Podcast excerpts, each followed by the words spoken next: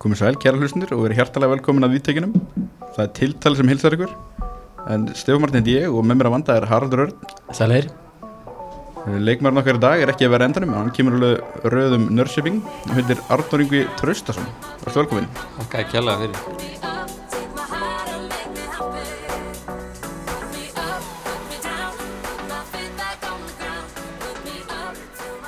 Við spilum inn með Coco Jumbo Hver er svona ástæðan bak við þú velur þetta lag? Þetta er bara svona good vibes. Það er Tropical House Svíþjóð Mikið um það þar. Þannig að svona verið of lengi í Svíþjóð líka. Já, ég minna Við hefum hirt verið lög, við kynna Ætlar ekki að minnast á The Elephant in the Room eða? Hvað, við þurfum að byrja aftur. Þetta er take two. Já, það er smá smá, smá handvum á. Já, já, Það er. Bara svo það er. já, já. Er Þannig að það er búið að vera hörku spjallina í í smá tíma fyrir. Það er bara svo það er. Við erum nú ekkert komin að langt. Nei, nei. Herri, þá byrjum við bara fyrir nýtt. Uh, Fullt nafn, Arnur Ingur Traustason. Og það er gælnafn Nóri. Þú verður ekkert verið með einn önnur gælnafn heldur en Nóri? Nei, ekki svo ég mun eftir sko. Eða, veist, Nei, Hvernig þannig að skilja þér þig og Arnum sig í, í Ísundur hérna í Norrköping? Eh, ég kallaði Trasten í Norrköping einhver hluta vegna og Nóri er kallaður Sigge.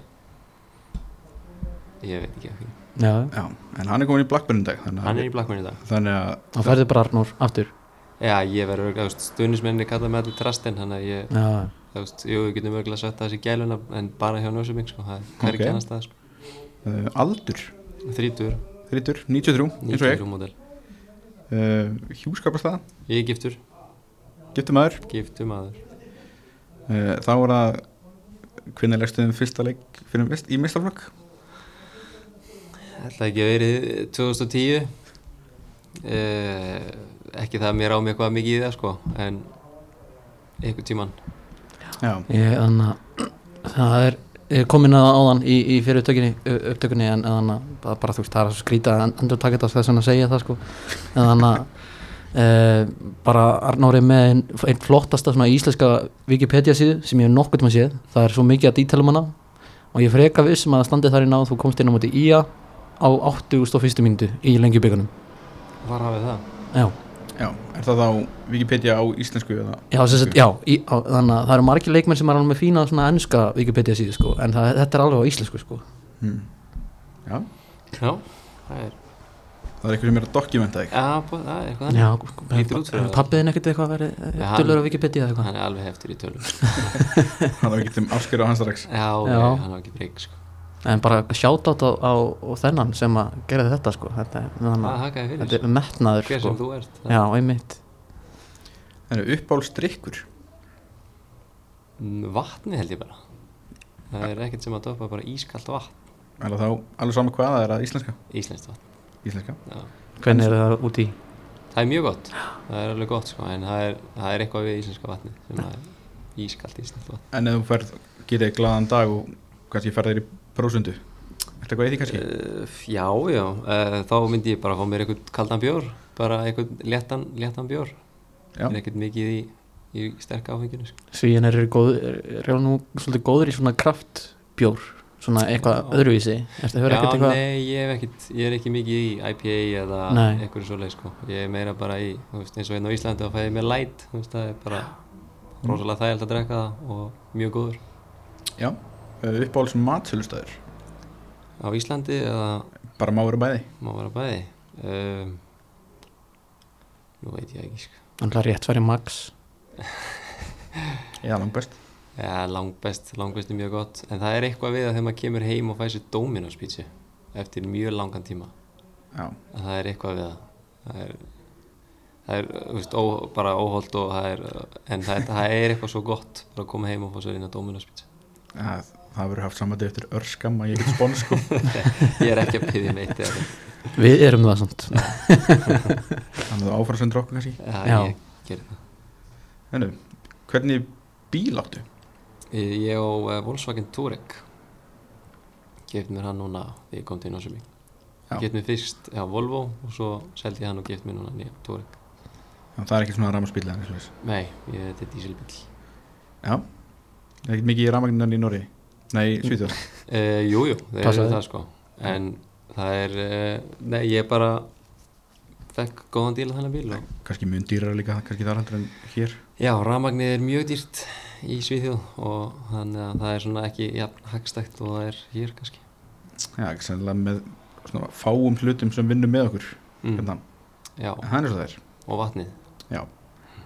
Uppból sjónvastáttur eh, ætli það sé ekki bara sko ég er með þrjá sem að eru svona top þrýr Mm. það er Breaking Bad Peaky Blinders og hérna Game of Thrones. Já, þetta eru mjög, gott val. góð völ sko. Já, þetta er svona top þrýr sem að ég, Þannig að ég er alveg sko Ég er alveg með þér þannig sko Nema bara Ég, ég get ekki haft Game of Thrones með Eftir hvernig þetta endaði sko. Já, þetta var mjög leiðilegur endi sko. Já, mjög, mjög, mjög leiðileg þetta var svona bara, hvað minnið þið skilur já Og svo líka bara síðustu tvær seríunar Það fór bara rapandi Já, sko.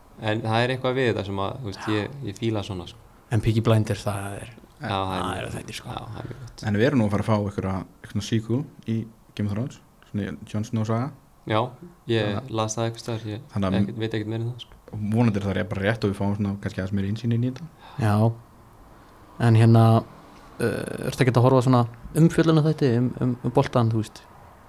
Nei, ég hef ekkert mikið, ég fylgist ekkert mikið með. Nei, um, eða svo horf ég á, þú veist, heimildamindir eða heimildaþætti um allskins uh, náttúru dýr og eitthvað svo, ég er mjög gaman að því, sko, já, ok einhverju svona fornleifar dæmi, einhverju, mm. mjög skemmtilegt, sko. Já Ekkert í svona uh, morð Þannig heimilda Nei, ég hef ekki verið dæminu? það, sko. Nei, Nei, ég hef ekki það, sko.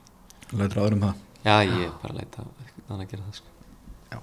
En uppbóls tónlistamæður Akkurát núna er það Kaigo, Mm. mm. norskur DJ, um, mjög gaman á hann, mjög Mm. góður, eins og er, hann er mjög góður Eitthvað svona íslenskir Bubbi.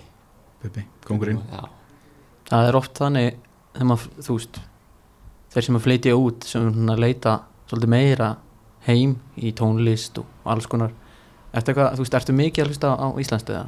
Nei, ég, svo, ég hlusta sko ekkert rosalega mikið á tónlist Nei, ég hef alveg sagt það sko. en þegar ég hlusta á þá set ég á eitthvað svona eitthvað house, tropical house og svo, þú veist, ef ég er í róleitum þá veist, er það eitthvað bubbi eða eitthvað svona skemmtilegt mm.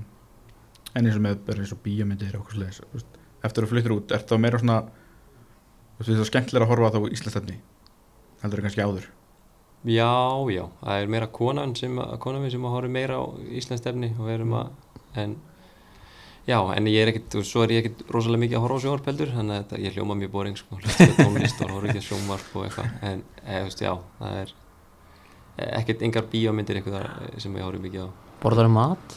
Ég borða mat Já, ok, það er gott já. En er þá eitthvað í hlaðvörpunum? Eh, Ég var það því ég bjó í hérna, bjó í Bandaríkjunum Mm? Hver er svona uppbóls? Eh, það er hérna í ljósi söguna hlusta ég á mikið á það er svona sögur um allskins Mm -hmm. og mjög góður í skóla í sögu sko. þannig að það er eitthvað tenging þar á milli sko.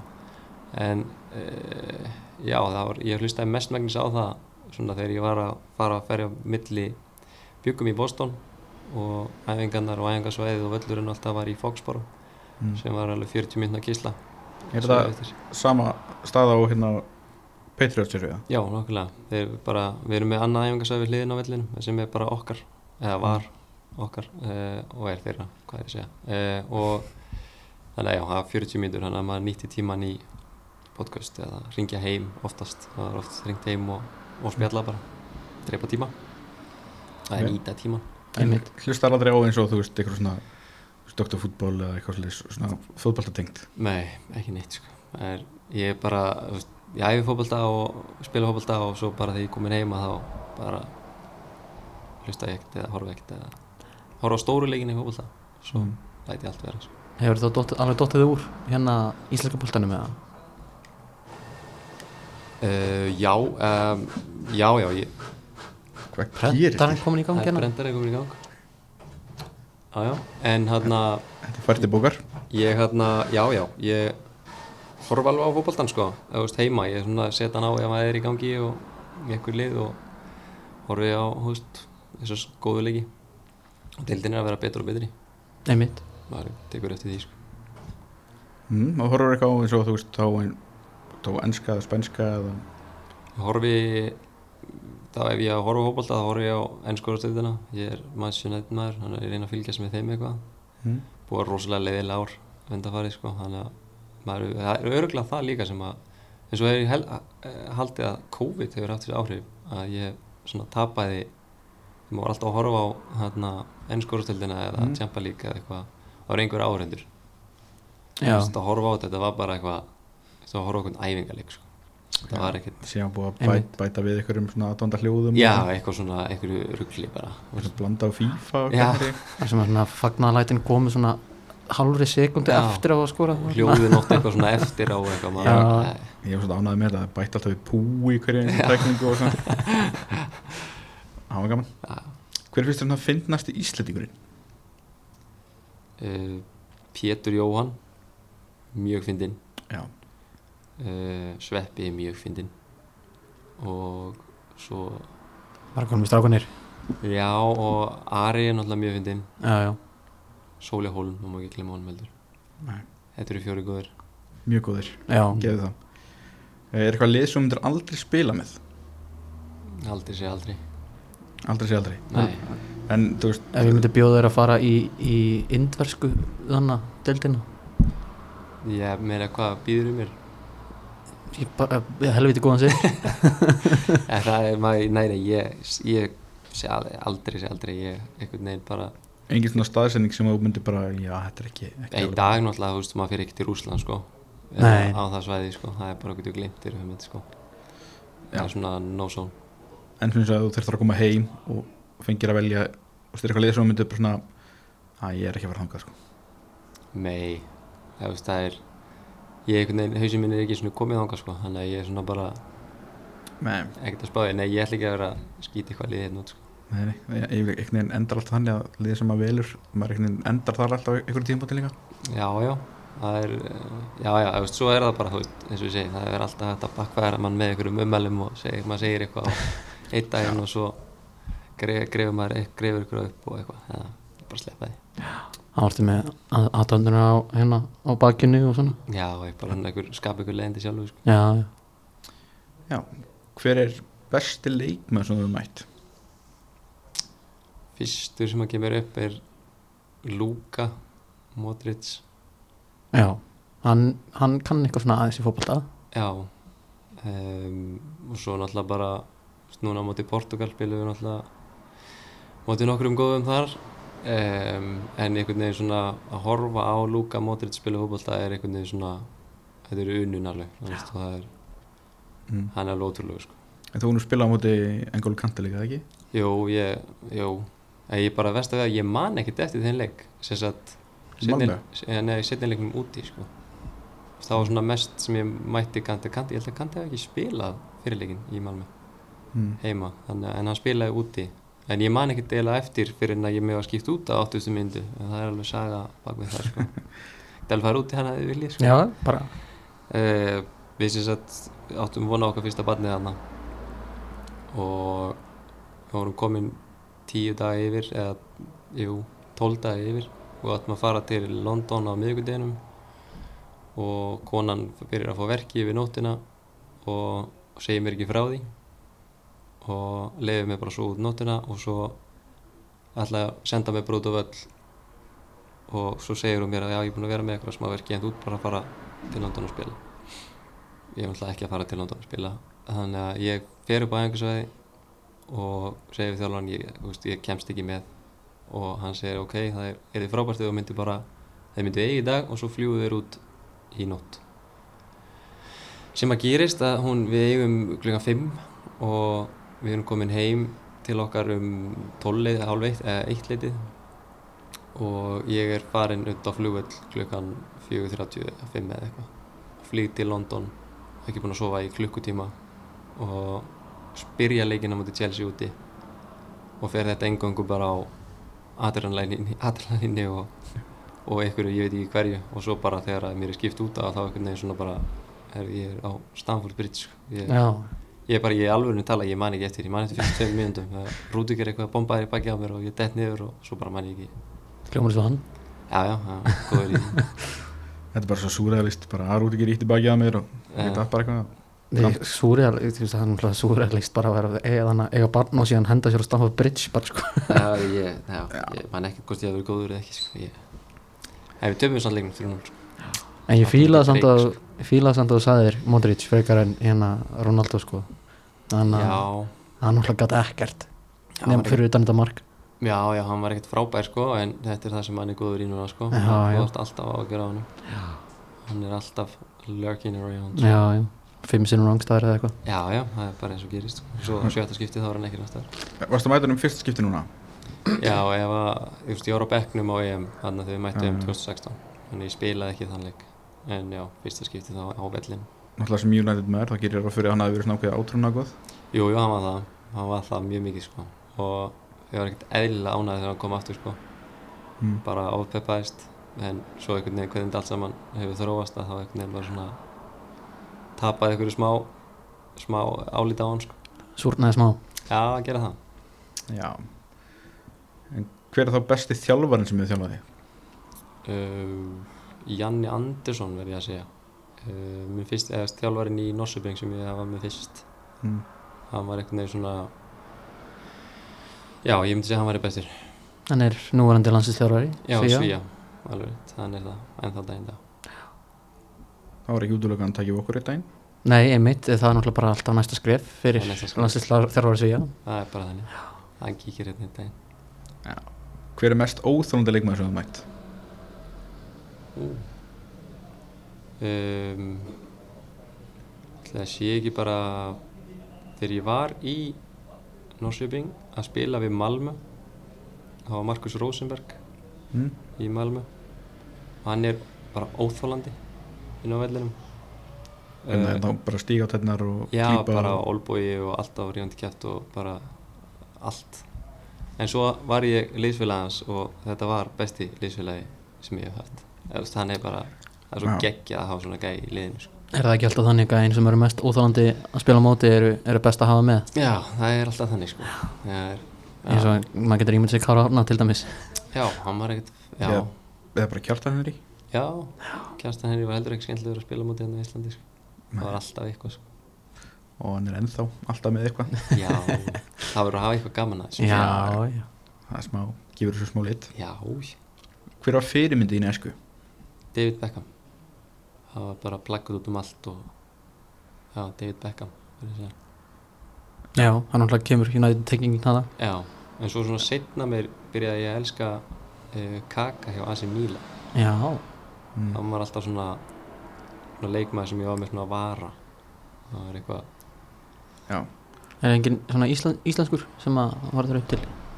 Nei, ég veist maður sá bara Eið Smára, þú veist bara að vera að vinna vera skórastildina á Champa League og maður bara, þetta var hálf surrealist sko. Já, já, þannig að, jú, jú, maður leit alveg maður leit upp til hann, sko, maður það, sko. Var það, var það eitthvað svona var það svolítið súrealist kannski þegar þú ferði fyrst á landslýshópin og með einsmára og bara þú veist, damn.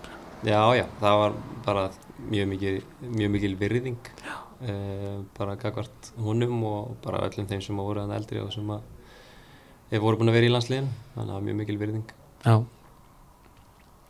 Hver er svona, já kannski þarf sannlega ekki að spyrja þessu en- endilega en sætasti sigur á ferðlum til þessa? Þessi ekki bara Austríki já, og England. Já, það er einmitt hvergi bara í dag er ykkur hvað er sjö ár, akkurat upp á dag. Upp á dag bara? Á dag. Ég held það, Já, ok, sem við mættum Englandi. Það er ég segja mættum Englandi, já. Já, held Já. það. Það var rosalega sigur. Já, en ég, ég verð, þú veist, það, það er náttúrulega tala, talað flestir um englandsleikin, sko. Mm en ég verði að segja, sko þessi austuríkisleikur þetta, sko, ég var á vellinum -hmm. þegar þú skoraðir þetta mark. Mhm. og ég held, sko, ég var að hugsa þetta þann ég held svona ándjóks þetta er bara ein besta stund lífsmýns ég er ekki einu svona að grína, sko. Já, ég, gott sko, að geta glatt. ofpeppaðist í drasl, sko, bara og í þannig að, já þetta, þetta var, já, já, þetta var náttúrulega hvað, fyrsti sigur, þetta var fyrsti sigur Íslands á Stórmóti já, og þetta einhvern veginn svona svona hvað maður að segja setja upp svona punktina þessi yfir í bara Mm. hvað, þú veist, eins og stuðnismennir sem voru í, uh, í Fraklandi og hvernig Ísland allt sem bara varða einhverju einni einingu. Og, og svo einhvern veginn vinnu við Austuríki á seinustu sekundu leiksins og þetta var einhvern veginn svona það var svona punkturinn yfir í en svo einhvern veginn höldum við bara áfram og vinnum England líka og þannig að þetta var svona þetta voru góði tímar. Sko ég fór einmitt líka á Östuríkisleikin og ég man eftir því þegar við fórum úr lestinni upp á öll þá mættu við sko, ég held að ég var auðvitað með svona fyrri bylginni sem var að fara på öll. Mhm. þá mættu við bara hafi af rauðum, rauðum treyjum sem byrjuði öll að púa á okkur og öskar you're going home. Það var ekkert það var svona smá svona, fór smá um hann en Mhm. það var tjóðlega gaman. Það var alltaf fegin að það voru ekki svörtu treyjunar hjá ungverum sko það var sko þannig að það var svakrægt en þannig að en uh, ég vil nú ábygglega meina sko að þessi austuríkisleikur alveg kannski og englandsleikur þetta er ábyggilega stærsti stærsti sigur Íslands í Karla þannig fótboltasögunar sko. Já, uh, alveg 100% myndi ég segja sko. Hversu oft er minnst á þannig Östuríkisleik við þig? ekkert svo oft í dag sko. Þetta er einhvern veginn svona grafið og glemt einhvern veginn. Ef Kannski- fyrir mig allavega. Já. kannski oftast, oftar minnst á þetta við góðum ben. Já, örgulega örgulega Já, En, en hvernig var veist bara mómentið bara í leiknum hana þegar boltin berst á teatrálumar og þú ert að keira fram? Ertu viss allan tíman að boltin sé að koma til þín? Nei. Ég hleyp bara upp því að við vorum bara áttum séns á því sko. Og Mm. bara þannig að ég bara tók max hlaup þó svo ég hafi verið alveg að anda með raskatuna þannig að þá mér er skipt náttúrulega inn á hvað, 80 og okkar mínútu. Mm. og fyrsta sem að gerist er að þeir eiga hot þegar mér er skipt inn á. Ég settur kem inn fyrir kolla minni mig. Og kolli var á næstönginni og ég settur á næstöngina. Og ég sé að boltin er að koma á næstöngina og ég er búin að vera inn á í nokkra sekundur sko, og ég hugsa með mér, ok, þú ert að fara að negla þessu byrstu sko. og svo er við, uh, lendi ég samstuði við semst að kemur og skalla mig í hausinn og við smellum saman og ég nánast svona hvað maður að segja, maður svona fær smá bara vankast Já, svona smá og, veist, og þetta var alveg svona herri, þú veist, þú ert ekki að fara að láta að skipta þú getur ekki að fara út af sko. þannig að þú veist, maður heldur áfram og svo er mér bara fyrir, mér er sagt bara að hlaupa þú veist, það er bara, þú ætti bara að hlaupa hérna frammi og bara djöblast í þeim og reyna að halda í töruna uppi eins átt og getur á vellinum sko. mm. og svo einhvern veginn í endan þegar þú ert bara búin að vera sprettandi þú veist, þá er þetta, kallast á sænsku bara pingis lunga, þú ert bara búinn á því eftir fimm mínúti því að þú nærði ekki alltaf koma í takt við tempóið í leiknum. Mhm. en já, en svo þessi senasti sprettur að það einhvern veginn bara þetta var, eins og ég segi, þetta var bara svona seinasta sem þú þarfst að gera og það er bara að taka max sprett upp og það sem að gerðist og það er líka til að hjálpa til bara ég sé Birki líka, hann sprettur náttúrulega líka við erum tveira, hvað er ekki þrýra og einn nánast. Jú, og Alaba er svona rétt á eftir okkur.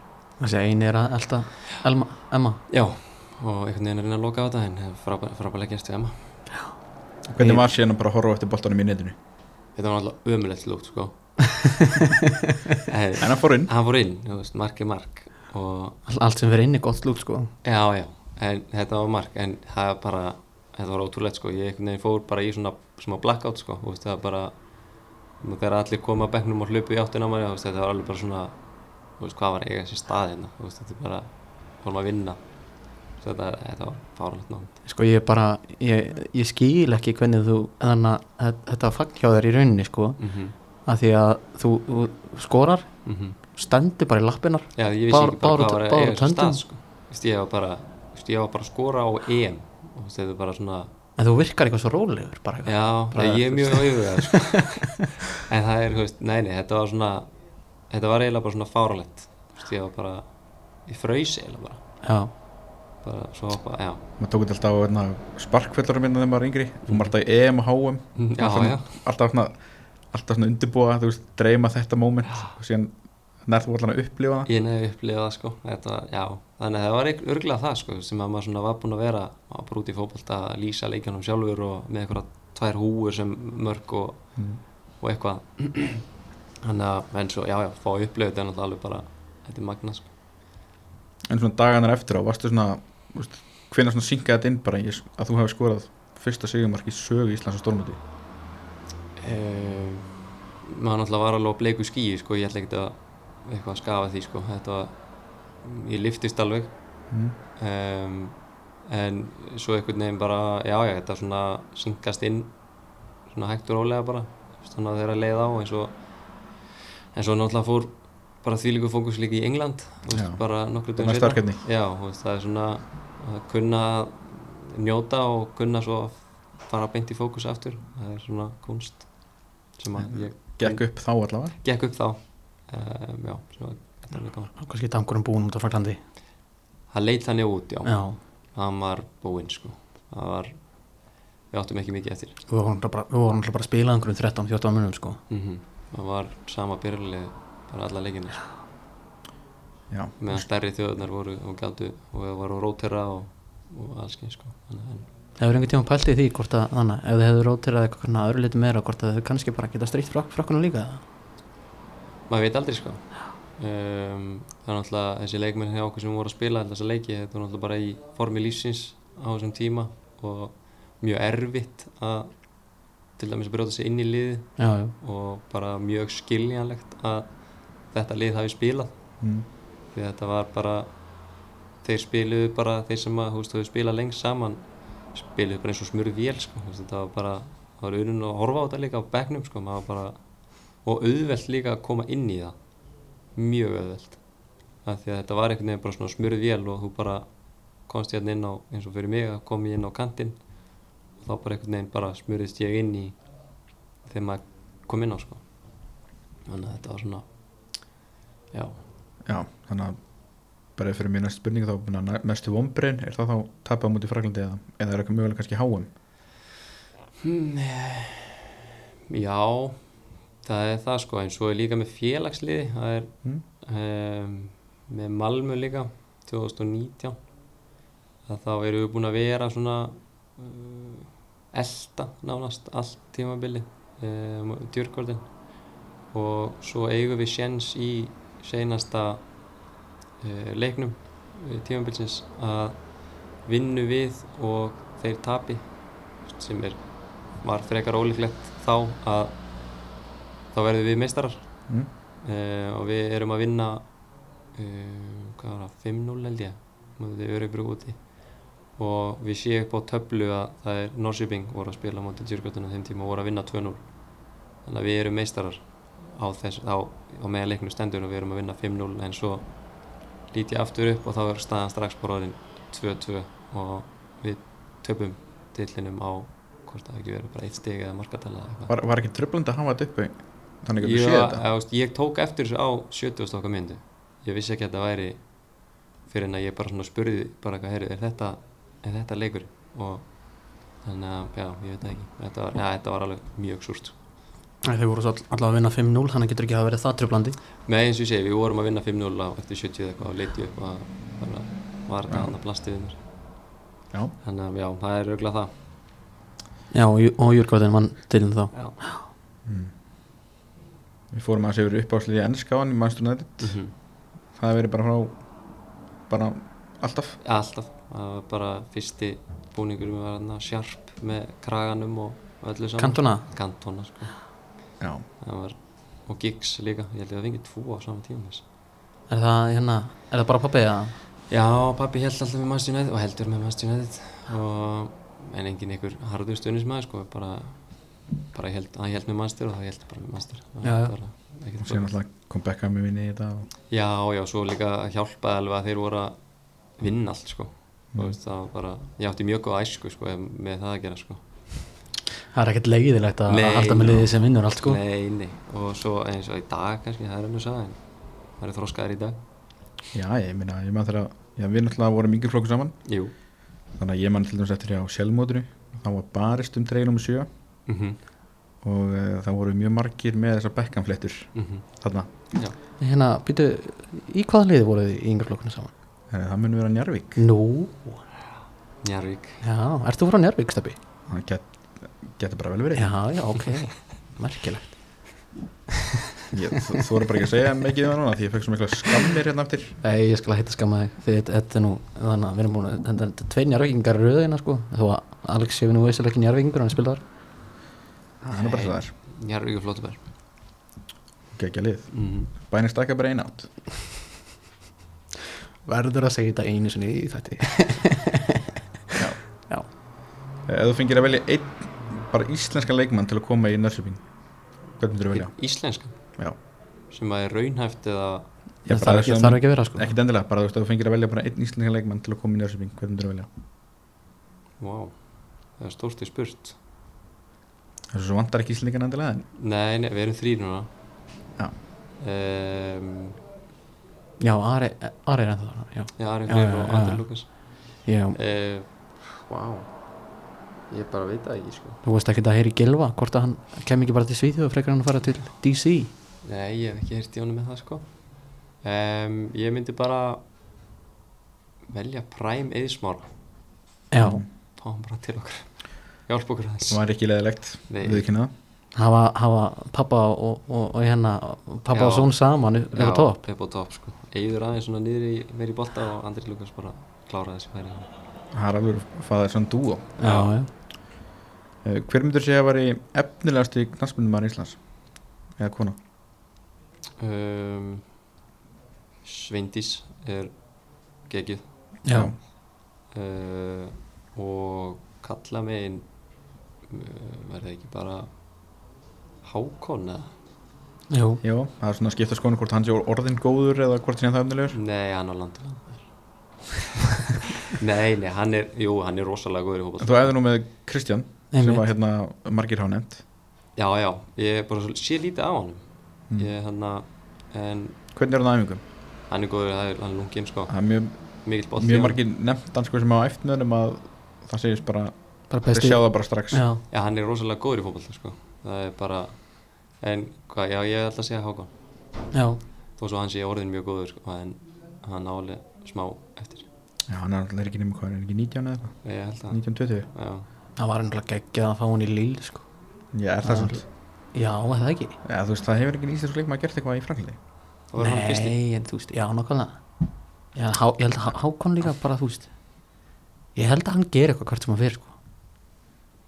Já, ég man bara rættu við Frakkana, sko já, fór, fór illa með Kolla, fór, fór illa með Vegapál og þeirra fór illa, illa með svo marga Já, hann gert það En En- hann spjara sig. Það var engin prófa líl Það er þetta rétt.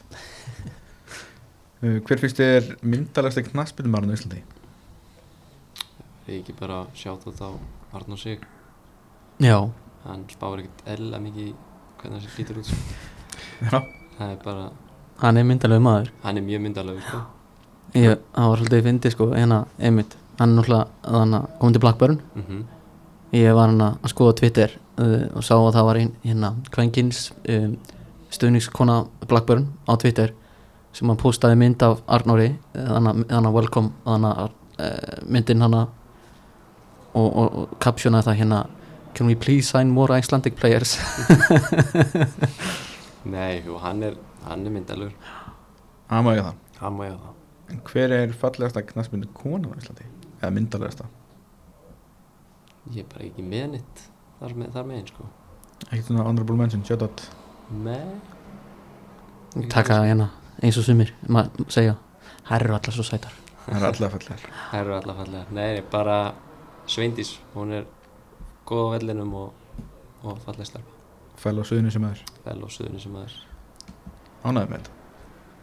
Uh, Hver er mesti höstlerinn í liðinu? Í liðinu? Já þú getur valja landsliði eða, eða Norrköping? Það er ekki bara Norsjöping en það er Dani hann Baggisen heitir hann Markus Baggisen hann er Já, þú veist, hann er alveg villu sko, þú veist, hann veit ekki mikið sko. En hann já, ég ætli sé ekki, hann bara hann fyrir á klúbana já, hann er bara svo vittlus bara, Gaman á hann já, rosa gaman á hann Hver er uppáhald staðurinn á Íslandi?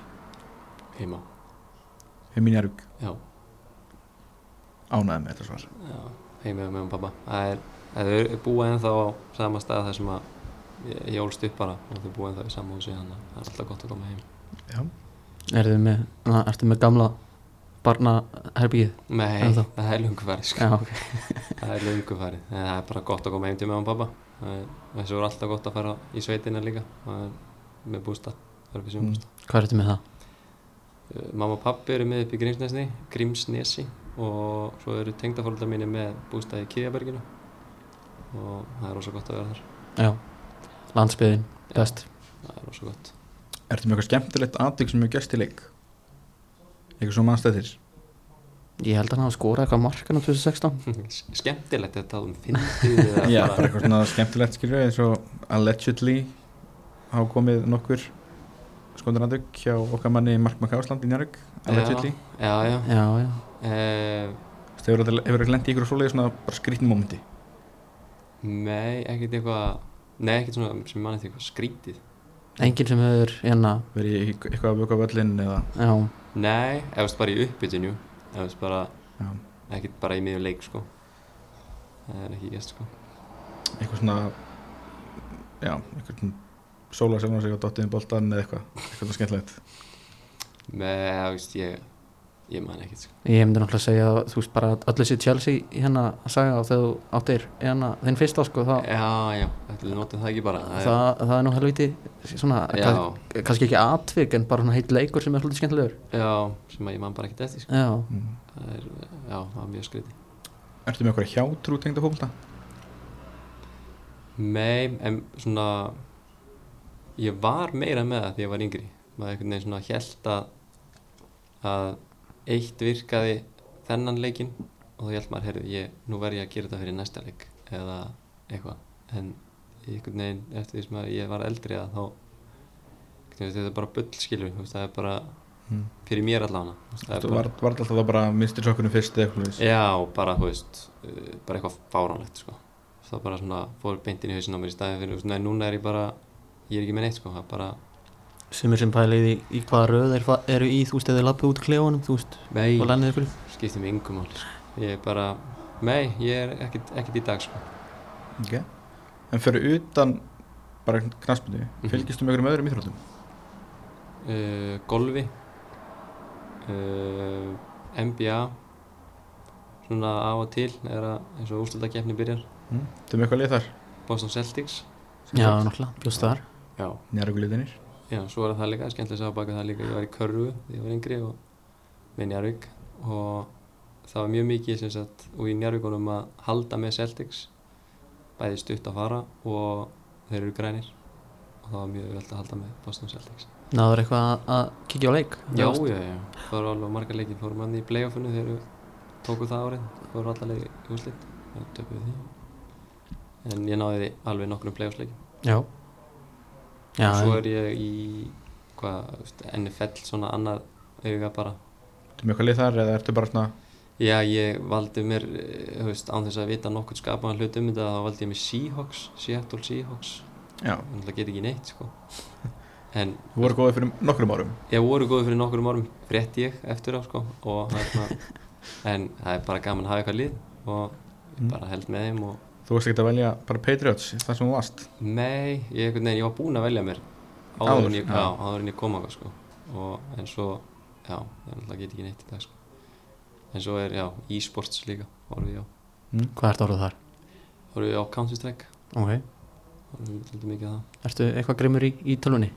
Já, mér finnst það ekkert leðilegt sko. Nei. Spila smá Counter-Strike Það er alveg gaman. Myndir þú pluma það í einhver svona kemni? Já, ég bara er ekki nægilega góður fyrir það sko. Nei. En ég er alveg, ég spila með nokkrum hanna sem eru í, þessu, í efstu deildum og eitthvað svoleiðis. Við erum með nokkra félaga þar sem við spilum oft saman.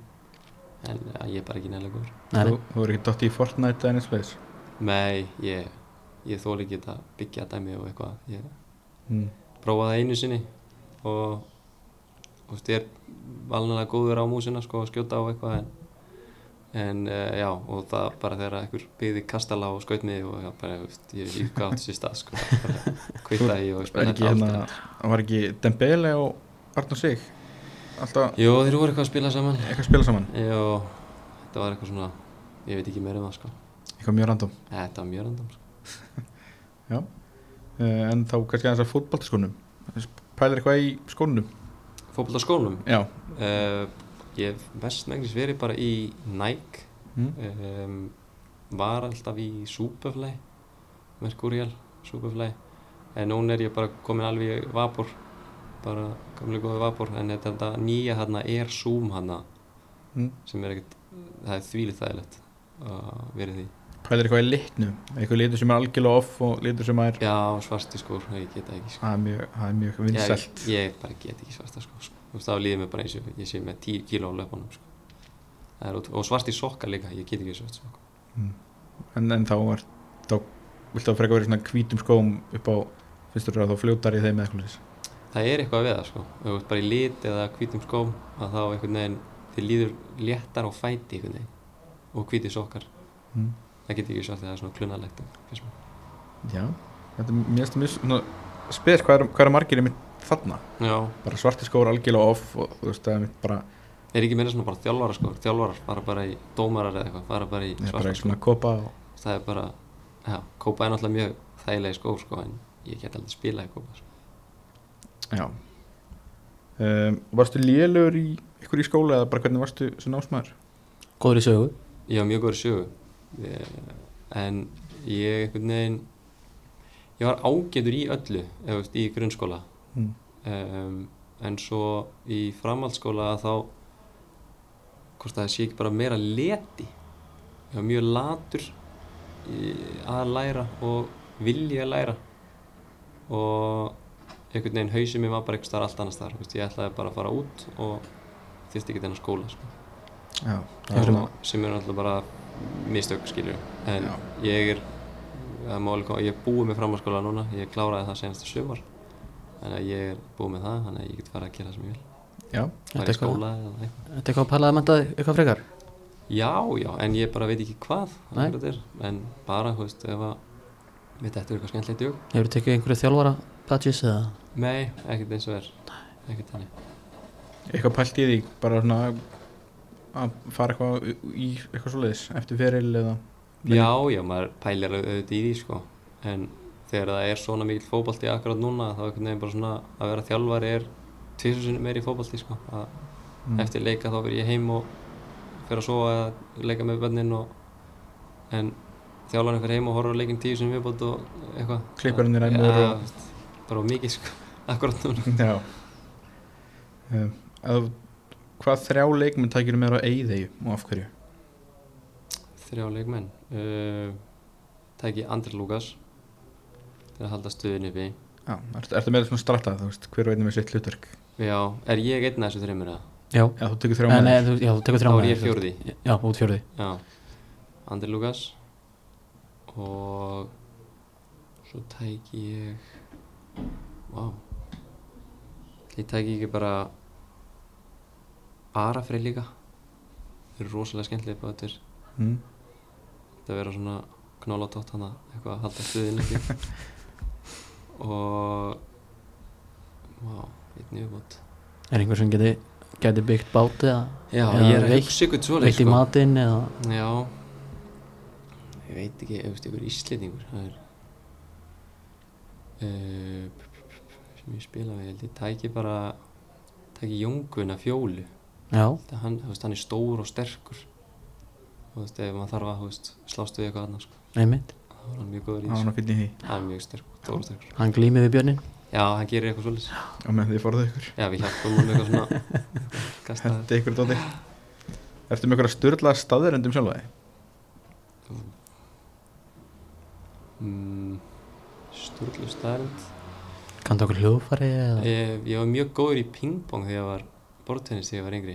Já, ég og frendi minn sem sagt vorum hvað í fjörheimum þú veist hvað það er stefni Ég veit hvað það er eh, hérna stofnum við eitthvað svona bortennisklub mm.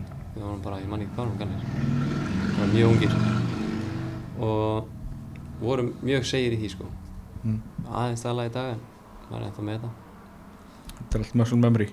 Ég þetta er náttúrulega með þessum memory sko. Já, já, en já, bortennis bortinnis mjög góður í bortennis Hvað samherri hefur komið svona mest á óvart eftir að kynntist honum?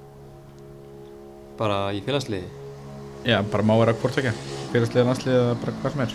Bara einhver samherri sem að þú kannski varst með ykkur ákveðna hugmyndum sem var síðan bara allt öðru sí já uh, bara, þú veist Markus Antonsson, Malmö. Mm. einhvern veginn, ég held að hann væri meira arrogant en eh, í dag erum við bestu vinnir og já, það er eitthvað svolítið stæmi bara sko. Já, er, þetta er, þetta er oft yfirleitt svarið sko, það er yfirleitt einhver sem að maður svona, heldur að sé eitthvað leðilegur og já, hann svona, var bara einhvern veginn svona presensi fyrstu dagana en svo einhvern veginn bara smillu við alveg saman og bara erum ennþá daginn dag mjög góða vinnir sko. Já, þannig að þetta var ekki ástu fyrst sín Nei, ekki alveg sko. En bara mjög fljóðlega sko. Já. Um, Hvað finnst þið leiðilegast að gera á æfingum?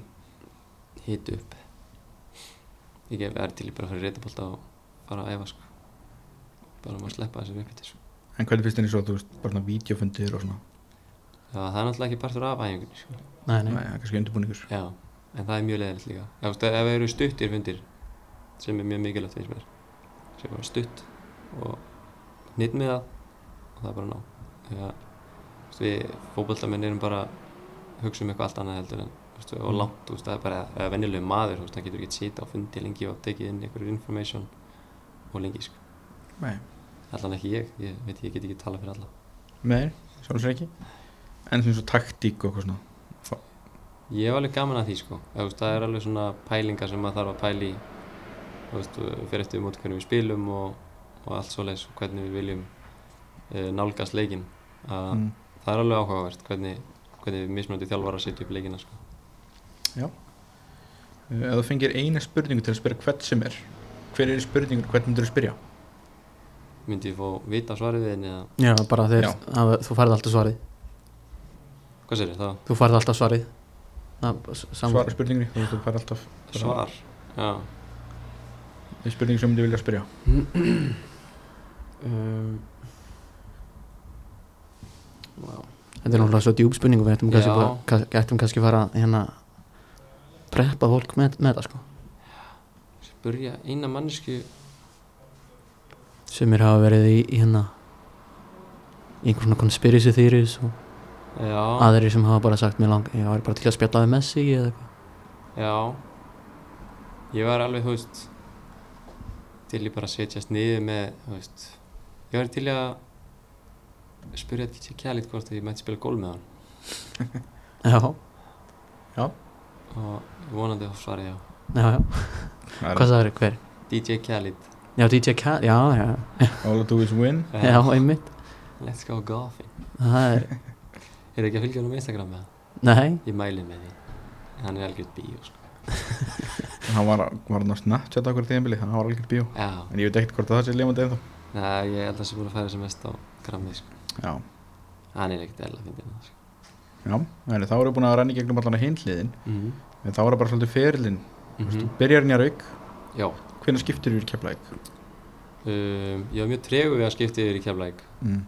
um, var það ræmálriðið sem að Nei, þetta var eitthvað svona, ég var að halda bara í eitthvað. En ég fer yfir þegar ég er í þriðaflokki eldri. Já, Já, hvað er ég, bara 15 ára eða eitthvað. Svo leis Mm. Og já, þá fer ég yfir og er í keflæk í þriðaflokk og smá í öðrum og fer svo bara alfarið í mistarflokk 2011 held ég. Já. Minni mig, alfarið. Já, Sko ég man eftir bara í yngjaflokkunum þá voru allan í svona okkar árgangi þá voru þrýr svona sem hana, maður spottaði strax svona gæt, gætu farið eitthvað. Mm -hmm. það voru annars vegar þú Mm sem var Lukas -hmm. Sem Andri fannar Já. síðan kannski svona þeirra verið kannski ögn óhefnari með meðsli og hana Já, já, já, já, það, veist, Lukas var bara nú erum við bara, þú veist, þú veist, þú veist, ekki Lukas Daniel. Nei, ekki hugmynd sko. Nei, hann, fyrir mér var hann bara besti leikmaður á Íslandi í okkar árgangi sko. Þú veist, hann var alveg bara, hann var það góð sko. en hann bara, þú veist, við erum hann er besti vinnu minn, sko, hann, hann er bara mistið hausinn og bara latur og það, sko maður heyrði mitt sög, alls konar sögur í kringum hann sko. Já, og því svo að eitthvað lið hefur verið komin að skoðana mitt hætt við. Já. Af bara vinnuframlægi og mm. maður svo veit ekkert hvað til í endilega en Nei, nei, en svo er fótboll ekki allt bara geta, sko, það er margt annað. Það er hausinn líka, já. Hvernig verður stemdur og og svo náttúrulega Andri fannar hann náttúrulega átti bara gott tíum bilarna í held ég annara deildinni. Já. den er bara mjög ungur. Held ég lang, bara langmarkastur Mhm. síðan meðist hann og svona nær sér ekki á, á lappir aftur Nei, sem er mjög mjög svona leiðilegt að sjá já, hann var ótrúlega góður sko. en, en já, það er mjög leðilt hvernig fólk er honum sko. Eh, Þú fer síðan lán til Satis Úlf Já, þetta er sama tíma og Óskar fer það ekki jú, ég og Skari vorum hann tveir, fórum tveir á lán en Steinþór Freyr var hann líka mm. Stalmúsin Stálmúsin og voru þrýr á þessum tíma uh, með þeim í efstu dild og reyna að hjálpa þeim eitthvað Mm. ekki það ég hjálpaði þeim eitthvað mikið, ég skora ekki mark sko en, en við náðum að halda okkur uppi í efstu dild og en svo fer ég aftur tilbaka til Keflækur 2013, eða fyrir 2013 Mm. Sko var það ekki múti það var ekki 2011 sant? en það var ekki múti IBVF þar sem þú átt þarna sleggina 2010 held ég að það væri 2010 Já, minnir það verið IBVF allavega já, að, það var við heima. Já, sem kemur þarna sleggjan. Já, já, bara, þú veist, ég veit ekki hvað ég var að hugsa sko, ég bara skaut, geðveitt mark, bara hungur og græður. Geðveitt mark. Já, já, það fór inn. Já, nei, en það var, jú, það var hvort það hefði ekki bara verið að IBVF hefði getað unni titilin eða eitthvað. Það var þarna Heimir Hallgrímsson með þá? Já, þegar að þeir, jú, þeir unnið okkur og þá hefði þeir unnið dildina. En við vorum bara eitthvað ekki að berjast um eitt eða neitt sko. Við vorum bara eitthvað að hafa gaman sko. Og vinna á held ég, að fyrir fjögur eitt eða eitthvað. Er eitthvað að bara, Albert markmaðurinn hann sem var í Njárvík eins og líka. Já, ætla hann aðeins að fara á punktin og eitthvað í stöðinu bara, þú veist, 0-0 eða klúra eitthvað. Þeir ráma eitthvað þetta því að hann er bara, þú veist, mér varst bara fárnöld að markmaðurinn hafi farið upp og bara tekið vítaspinni, sko. já, hann er bara samt bara förðu góð vítaskipta já, gegnum fyrir geggjaðan fót, sko. En Hann klúraði, manni. Og síðan ferðu frá Keflæk til Nörsiping Mm og ert þar í, í nokkur ár Já, og verður sæ- sænsku meistari já, við þar 2014, 15 og smá af 16. Uh, já, fyrsta tímanbilið var bara einhvern veginn svona að venjast, uh, koma sér inn í hlutina. Já, liðið var ekki frábært, átti ekkert frábært tímanbil. mm. endum bara rétt fyrir ofan bara umspilsæti sko, ef við fara nýður sko. Um, fáum til okkar tvo leikmenn uh, Daniel Sjölund og Niklas Bergrúð koma til okkar og, og einhvern veginn bara allt smellur og við, hvað, ég held að við höfum sama byrjanlega nánast bara í alla leikina sko. það var bara engin meðsli eða bönn eða Mm. eða hvort það var bara einn út og næst inn veist, það var ekkert mikið, mikið rótiningar og þetta var, já við komum öllum óvart bara vinnum deltina 2015 sem var náttúrulega geðið sko. já, og nú aldrei stoppað neitt rosalega lengi í, nei. leiðum Nei, mest bara eins og núna Norsjöfing var í 2,5 já, uh, og nú erum við að hoppa eins yfir en þó, Malmö var í þrjú ár. Og svo er ég núna aftur í Norsjöfing þannig að það er er þetta bara eitthvað svona, þú veist, uppsveiflur og þá færðu kannski eitthvað starra lið og síðan niðursveiflur þá færðu kannski eitthvað annar lið? Já, þú veist, þetta hefur bara verið mikið uh, bæðið náttúrulega bara hjá mér og óefni líka, skilur það er, er ekkert að kenna einhverjum öðrum alltaf um, er líka um að horfa, horfa í sinni eigin barm líka, sko. En ég fer frá Norrköping fyrir EM 2016 uh, ferðu til Austuríkis ekki, Rapid Wien Já, fyrir til Rapid Wien uh, gekk ekki tjærlega vel þar? Nei, það er sem sagt, þetta var mjög skrítið allt saman og það er uh, komast í, kom inn í nýtt land og nýtt tungumál og en sagt þjálfarinn og sportdirektorinn sem vildi fá mig þarna og vildi gera allt þess að fá mig þarna uh, voru búin að eftir mér alveg í nor- marga mánuði.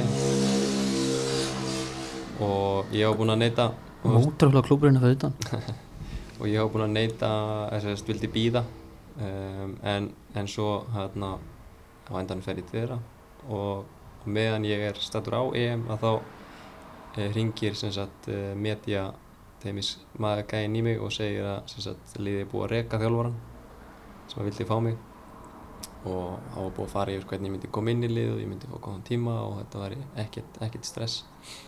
Og en þá kemur nýr þjálfar inn og með nýjum þjálfar náttúrulega uh, ég er nýr að þá þarf ég að sína mig fyrir nýjum þjálfar og það kannski gekk bröðsörlega bæði á mér og með lítinn spiltíma eða stundum að mér fannst. Uh, að hann er eigin líka og sportdirektorinn kemur nýr maðurinn við höfum ekki góða samleið. Um, bara við náum ekki að vinna vel saman. Og hann er eigin líka. Þetta gerist allt á einu ári sko. Jésús og þá kemur fjórið þjálfarinn þannig að ég var basically með fjóra þjálfara tvo sportdirektora á einu ári. Það er bara eins og að vera í Chelsea. Já, Já, þannig að ég átti ekkert mikinn sjans þarna og það er svona þegar þú ert komið þangað og ert ekki með þitt fólk á bakviði sem að náði í því til klúps að þá og stundum ertu heppinn og stundum ertu bara mjög óheppinn og þá einhvern veginn bara fjall þetta upp fyrir sig og, og hérna ég átti bara ekki breykana sko, þá voru bara viltu fá nýja leikmennin. þá ertu lánað, þú ert lánað til Gríklands Ég lánaði til Greikland sko, er hérna, já, ég vildi fara og það var algjört bullshit sko, veist, ég bara spilaði ekkert og þjálfarinn bara nánast vissi ekki að ég væri hann sko. mm. Það var alveg svona, þetta var eitthvað smá spes. En ég klára það bara með sóma og send en, en er svo seldur frá Rapid þannig eftir það til uh, Malmö. Mm. og Áttu nú farsalan tíma þar? Já, og mér leið bara mjög vel og einhver mín bestu, bara svona fótballta ár voru þar sko. Það var, uh, og leiði rosalega vel í Malmö. Og þarna það er alls ennþá múið sterkar tögat til Malmö. Það er gaman að búa þar. Það er ekki ekki borg. Ég bjóð þar, í þar í smá tíma. Ok, hvað er bjöstu? En að uh, Mörlen Já, ok. Nice. Ja, við, vorum, við vorum í uh, Best- Ríbersborg Já, besta kepa, vinn sko í, í Svíþjóð. Já, en í Malmö sko. Og er, er Zlatan kongurinn í Malmö? Ekki, ekki dæmi Ekki í dag? Nei, Nei, hann, nei, hann kefti Hammarby. Hann kefti Hammarby. En fyrir það, Já, var hann þá já, já, já. algjörlega kongurinn Bara guðatölu sko. Það er bara sem ég eins og Maradona í Napoli sko. Það var bara Slatan var bara Já, bara guðaðna sko Hvað var hann að hugsa með að kaupa um Hammarby? Þetta var eitthvað með ekki það ég ætla bara uh, segja ég hald, eða veit eitthvað sko en það er bara, hann náttúrulega þegar hann fyrir í LA að þá í, eignast hann í einhverjum sem sagt, fjárfestingahóp og er í einhverjum fjárfestingahóp sem að eiga hluti í Hammarby eða fara að já. kaupa í Hammarby og þá verður hann ósverjátt líka meðeigandi Einmitt þannig að það var eitthvað svona þannig að ja, hann er bara að hugsa um bytuna Einmitt. Hann alltaf A lion. Hvað segir þið? Hann alltaf er ljón. Jú, A jú, lion. Jú, jú. Compared to men. Já, já, hann, er svona smá, smá hróki- hróki. Já, já, hann er alveg ekki það sko. En með Malmö þá náttúrulega spilar ég Európa-kefni Já, já, við spilum við spilum með Rapid í Európa-keppni Greiklandi líka voru við í Európa-keppni og svo með Malmö öll árin mm. voru við í Európa-keppni fórum inn í riðlakeppnina og með Malmö finnum við vinnum við riðlinn eins og komist upp líka Mm. þannig að við duttum alltaf út reyndar í 32 láslutum en móti Chelsea einu Meðal sinni annars. og uh, hvort það hafi ekki verið, jú, Wolfsburg duttum við líka Já Þú ert ekki Nei, þú ert náttúrulega farin þegar þeir spila þeir eru með Malmö í mestraraldinni í reyli Chelsea. uh, það Já, var bara í fyrra þar, Já. þar síðust tíma já, það var Já. í farin sko þá ertu þá komin til uh, New England New England, já. Svo, já, ég syns tíminn í Malmö var alveg frábær og vinnum dildina 2020 mm? og svo vildi ég róa önnu mið þannig og þannig að, já, ég fyrir til New England og vildi prófa það og það var skemmtilegt, sko, mjög skemmtilegt. En þú náttúrulega ert í Malmö þegar COVID skellir á Já, það náttúrulega var öðruvísi í Svíþjóð en Einmitt Já, alls þar annars þar í heiminum, sko, þannig að það var frekar bara svona bara free rolling, sko, þú bara mátti gera sem vildi, sko. hvernig fannst þér að vera þú veist í Svíþjóð þar sem allt var bara svona einmitt free rolling? Mm og vitandi af allstar annar staðar í heimsbyðinni Mhm. var allt öllu skellt í lás það var mjög skrítið sko. Við, við horfðum uh, veist, ég og ég og konan við horfðum mjög mikið á fréttir eðlilega, við lesum veist, fréttir frá Íslandi og vorum Mhm. svona einhvern veginn að lesa það mjög mikið miða við eins og sænsku pressuna eða eitthvað svo leis og við einhvern veginn tókum upp habit frá Íslandi skilur við einhvern veginn. Og sem við fórum bara í veist, isolation sjálf Mm. einhvern veginn. En þó svo að liðið hafi náttúrulega sett reglur að þú veist það kemur enginn eða neitt svoleiðis enginn í heimsókn eða eitt eða neitt um, að þá þarna uh, einhvern veginn settu okkur bara smá í self-isolation sko Ég tengi einmitt við þetta Ég var, ég bjó í, í Gautaborg á þessum tíma og, Já. hana, og ég gerði eiginlega svona svipað sko já, en, hana, en það var, þú veist, ég var náttúrulega líka í vinnu mm það var alveg rugglað, þú veist, einmitt að fara í, í spórvagnin sko, hérna, og þú veist, fólk var ekki eins og með grímu, sko, Mhm. það bara það þú var veist, frekar hort á og varst með grímur Já, sko, bara, já. hvað ert með COVID -a? þetta var alveg fárlegt sko. en nei, nei, þetta var mjög skrítið sko. en svo endan er náttúrulega um, hvort það hefði ekki verið bara í, við vorum þrýleikir eftir eða fjórleikir eftir í deildinni að þá vinnum við, þess að styrum við búinir að vinna deildina Mm. við hefum heimaleikand á móti Sirius heima vinnum hann eitthvað 5-0 eða eitthvað að þá eftir þann leik uh, finnur fyrirliðin okkar aðeins fyrir einhverjum engjönum og hann er testaður og hann er með COVID sko. og það greinast hvað 13 að 14 aðrir þar með ég sko. var á leiðin í landsverkefni já, já, móti sem sagt setni leikurinn úti á móti Ungurlandi í umspilinu. Já, mitt þannig að það var svona, ég var búinn að bakka í tösku og takk sem beði út fyrir utan sko. ég var bara leiðin út og þá var ég í símanu við, við það að segja bara, þú veist, það var einn að greinast en ég er ekki búinn að greinast. Já, en sem betur fer, fór ég ekki. Já, þess að svona, já, það hefði verið leiðilegt að, að smita 25 leikmenn sko, já, svolítið. Vera valdur þess sko. Þá lítur að vera þá gríðilega svona, svona meira svekkjandi þá að horfa á bara var bara hvernig, ömurlegt, hvernig þetta fór þá heima. Þetta var ömulegt sko. ég, mér- ég var brjálaður. Bara sár einhvern veginn líka. Bara svona, Já, þetta var, þetta var svo nálagt þetta var bara ógislegt sko. þetta, þetta, já, þetta er það sem var súbúrslag hérna, Já, bara al, alveg í það Búin að halda út í, hvað, 90 myndir ekki? Þetta er bara í uppátt tíma þar sem að þetta svona slips away. Já, þetta var alveg ógislegt þetta var algjör uppjöð sko. En hérna kannski að einhver svona aðeins skemmtilegra þannig að uh, í Svíþjóð Mm -hmm. myndir þú segja að svona stemmingi sem getur skapast þannig á stórleikjum Mhm. þetta, þú veist allavega mín upplifun er þannig að þetta er besta stemming sem ég hef verið í Hver, þannig að þetta ekki alveg sammála þetta, það er, Jú, sko, stemmingin á stóru leikjónum er alveg rosaleg sko. Þeir, þeir eru bara alveg diehard stuðningsmenn og þeir eru einhvern veginn bara það allir stóð, hvort sem við þetta lögfræðingur eða tannlæknir eða whatever sko. Þú bara ferð þá bara klæðin í föt og svo bara ertu fann að leikin sko. einmitt. Það er bara einhvern veginn, þú veist, eins- og maður var með Malmö að þá, þú veist, úti á móti Besiktas það eru mjög mikið læti í Tyrklandi. Við jú, þið vitið það. Að en lætin í okkar stöðnismönnum voru gífurleg sko, talandi um eins og Stamford Bridge, þú veist, Malmö stöðnismönnum tóku bara yfir Stamford Bridge sko það var bara eins og breytin bara vissi ekki hvernig þetta syngja sko en bara, þetta var fáralegt sko.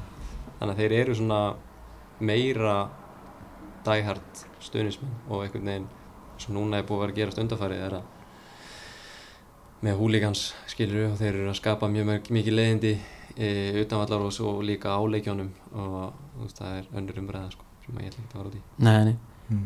en sko ég bara besti besti leikur sem ég hef farið á sem stuðningsmaður og ég held mig hvoru lið sko, það var þegar ég fór á hérna ég var á í bortaklakken hérna, hérna sem sagt, eh, úti, úti valla, hjá, með útivalla stuðningsmönnum hjá Hammarby e, IFK Gautaborg.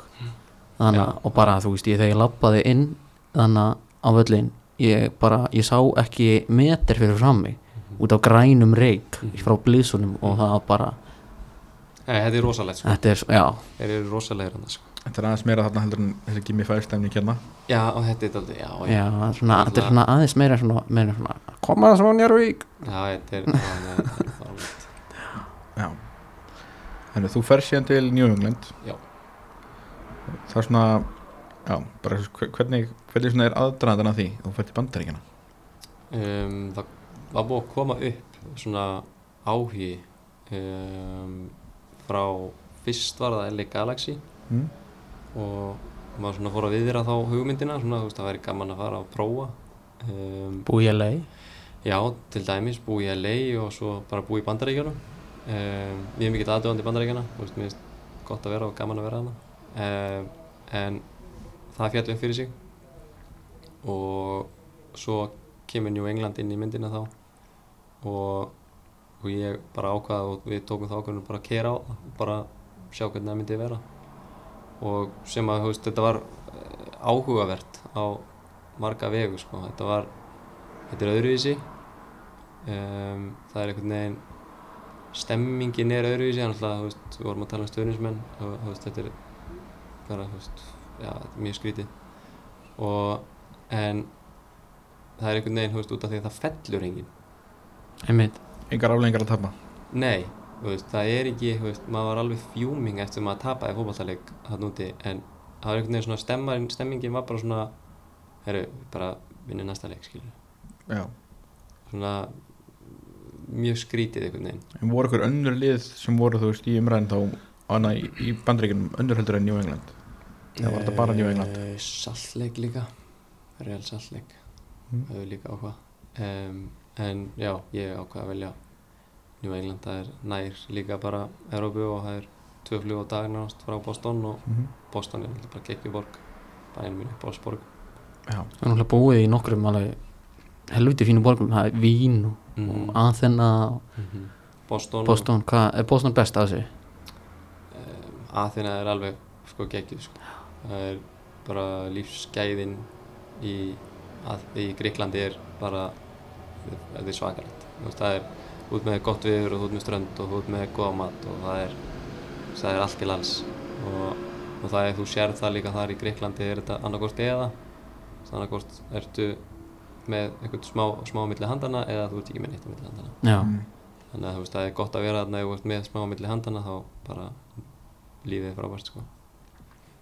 Já, við erum alltaf eins og hefur aðeins komið fram komin alltaf úr Njárvík Mhm. og við svona erum svona það svona er ákveðin Ameríku fleki á Mhm. landinu það er hérna fyrir sunnan. Mm -hmm. þannig að við svona við svona föllum kannski ölliti svona meira fyrir kannski Ameríku heldur en já, margir aðrir. Þeir eru með lámenninguna hana en það, þetta var líka bara út af hernum sko sem var hann að Ka karnivalið og svona þegar maður var yngri. Já, maður var alltaf hann upp frá. Og fengum einhvern svona frípassa og pappi að vinna vinna sem málari og var að vinna oft mikið fyrir upp á velli. Mála og kefla einhver verktakar Mm.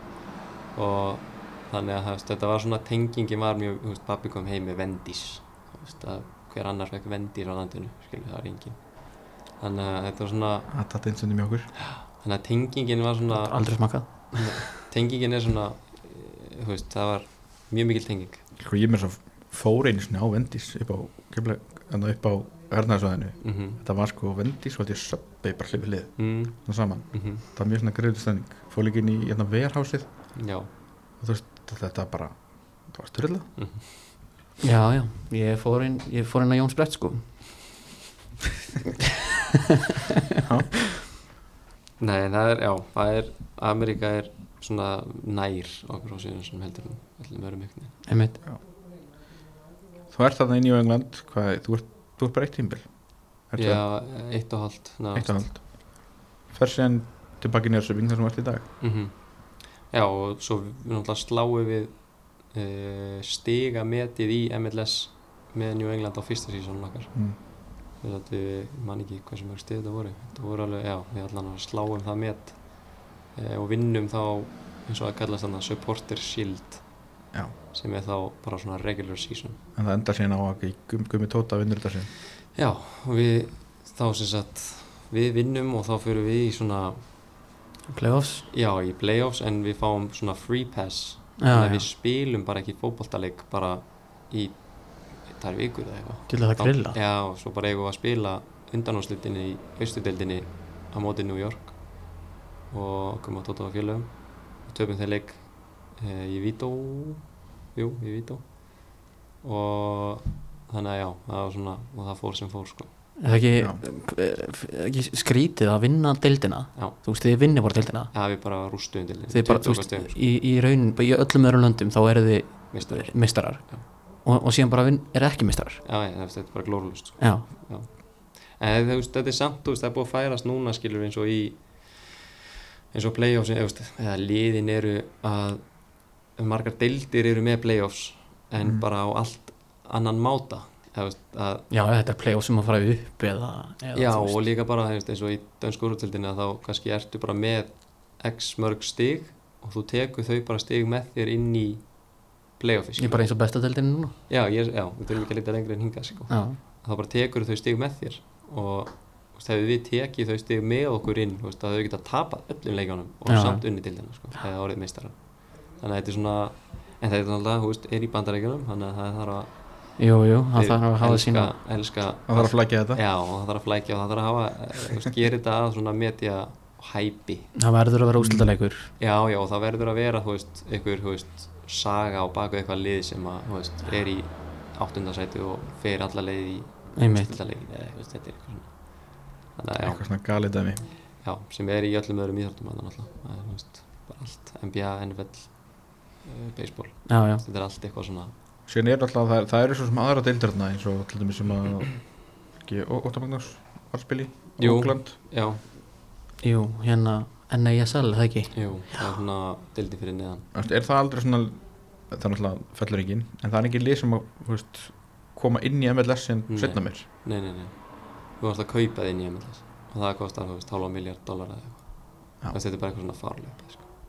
þannig að, þú veist, það er mjög erfitt að komast inn en, þú veist, og svo bara eins og annað tímumbil okkar þá var Nashville austur með austamegin sem er náttúrulega nær okkur eða nær austurströndinni heldur en vestur Mm. en svo kom inn uh, hvort að Charlotte hafi komið inn á setjum tímumbilinu mínu semst inn í deildina og þá var Nashville bara færið þér yfir í vestudeildina bara svipaður yfir já, já, bara yfir í vestudeildina og þú veist, það ferðalög og annað, þú veist, það er bara fáralegt sko. Hérna, var ekki Messi einmitt að gera samning um að hann þannig að færa að kaupa lið þegar hann hættir? Já, svona það Beckham gera það. Já, Mm. en þannig að hann, hann gerði þannig samninga ekki núna í, ég bara þekki ekki sko. ég er frekar vissum að þannig að það var partur af samningunum hans í Miami að, já, að þannig að hann, sérst, þannig að hann fær hann fær bara lið. Já, ég, það er að Beckham gera það og hann náttúrulega á Inter Miami í dag. Hann á með Miami og já, já, en þetta er, þú veist, það eru alls kyn stílar hann sko, sem hægt er að gera, já, já. stórt. Þú, þú, þér hefur ekki verið búið það? Það eru því miður. Þá verður ekki búið það sko. nei, en ég svo sem eh, sá þetta nú ekki hvernig þetta var. Eða ég horfði þetta á úslitalegin þegar Gumi tótt á hann Mhm. horfði á hann á held ég hótel bara í London. Mm uh, ég svo sem sá man ekkert eftir hérna velunahafendingunni en er þetta líka í fókvöldan að eigundinu kom og taka við byggarnum í fókvölda þannig allan í NFL og Mm. NBA þá kom alltaf eigendunir og taka við byggarnum Já, með alveg rámar, en nei, ég held að það ekki verið í þú veist, þarna þá, en hann kemur held ég, Mm. eigandunni koma niður og Já. þú veist, okkar eigandi er, hérna, hvað stólur um minnuna, hann á Patriots líka. Er Robert Kraft Robert Kraft, takk. Uh, hann var ofta að koma inn í klefa og eitthvað svona bara, þú veist, sína sig hans. Fenguðu fengu svona season ticket síðan á Patriots Patriots, nei, því miður, en við fengum alltaf díla, við gandum alltaf fengið miða ef okkur vantaði miða eða langaði miða. þú, her, þú rétt mistur af Tom Brady þegar ekki Jú, ég mista hún, því miður. skellur Það hefði verið gaman að sjá hann sko Nei, ég fór á, ég fór á okkur, nokkur leiki hann Mm. En það er, ég sagt að það er skemmtilega að horfa á þetta sjónarbi sko Ef Það er en það er svo Það er einhvern veginn bara, þetta er svo langt og Já. Það er, veist, standallir, alltaf þessu leik bara standallir í þrjá alveg klukkutíma. Og þetta er bara, já, ég er ekki fenn að þessu sko.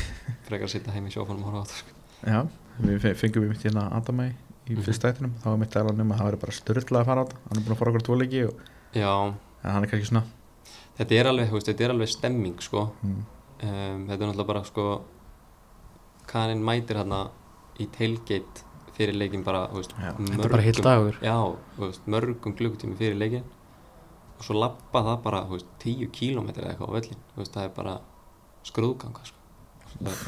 Svo er bara, þú veist, já, bara drukkið og getið og svo, svo er hort á leikin sko, veist, með öðru augan sko.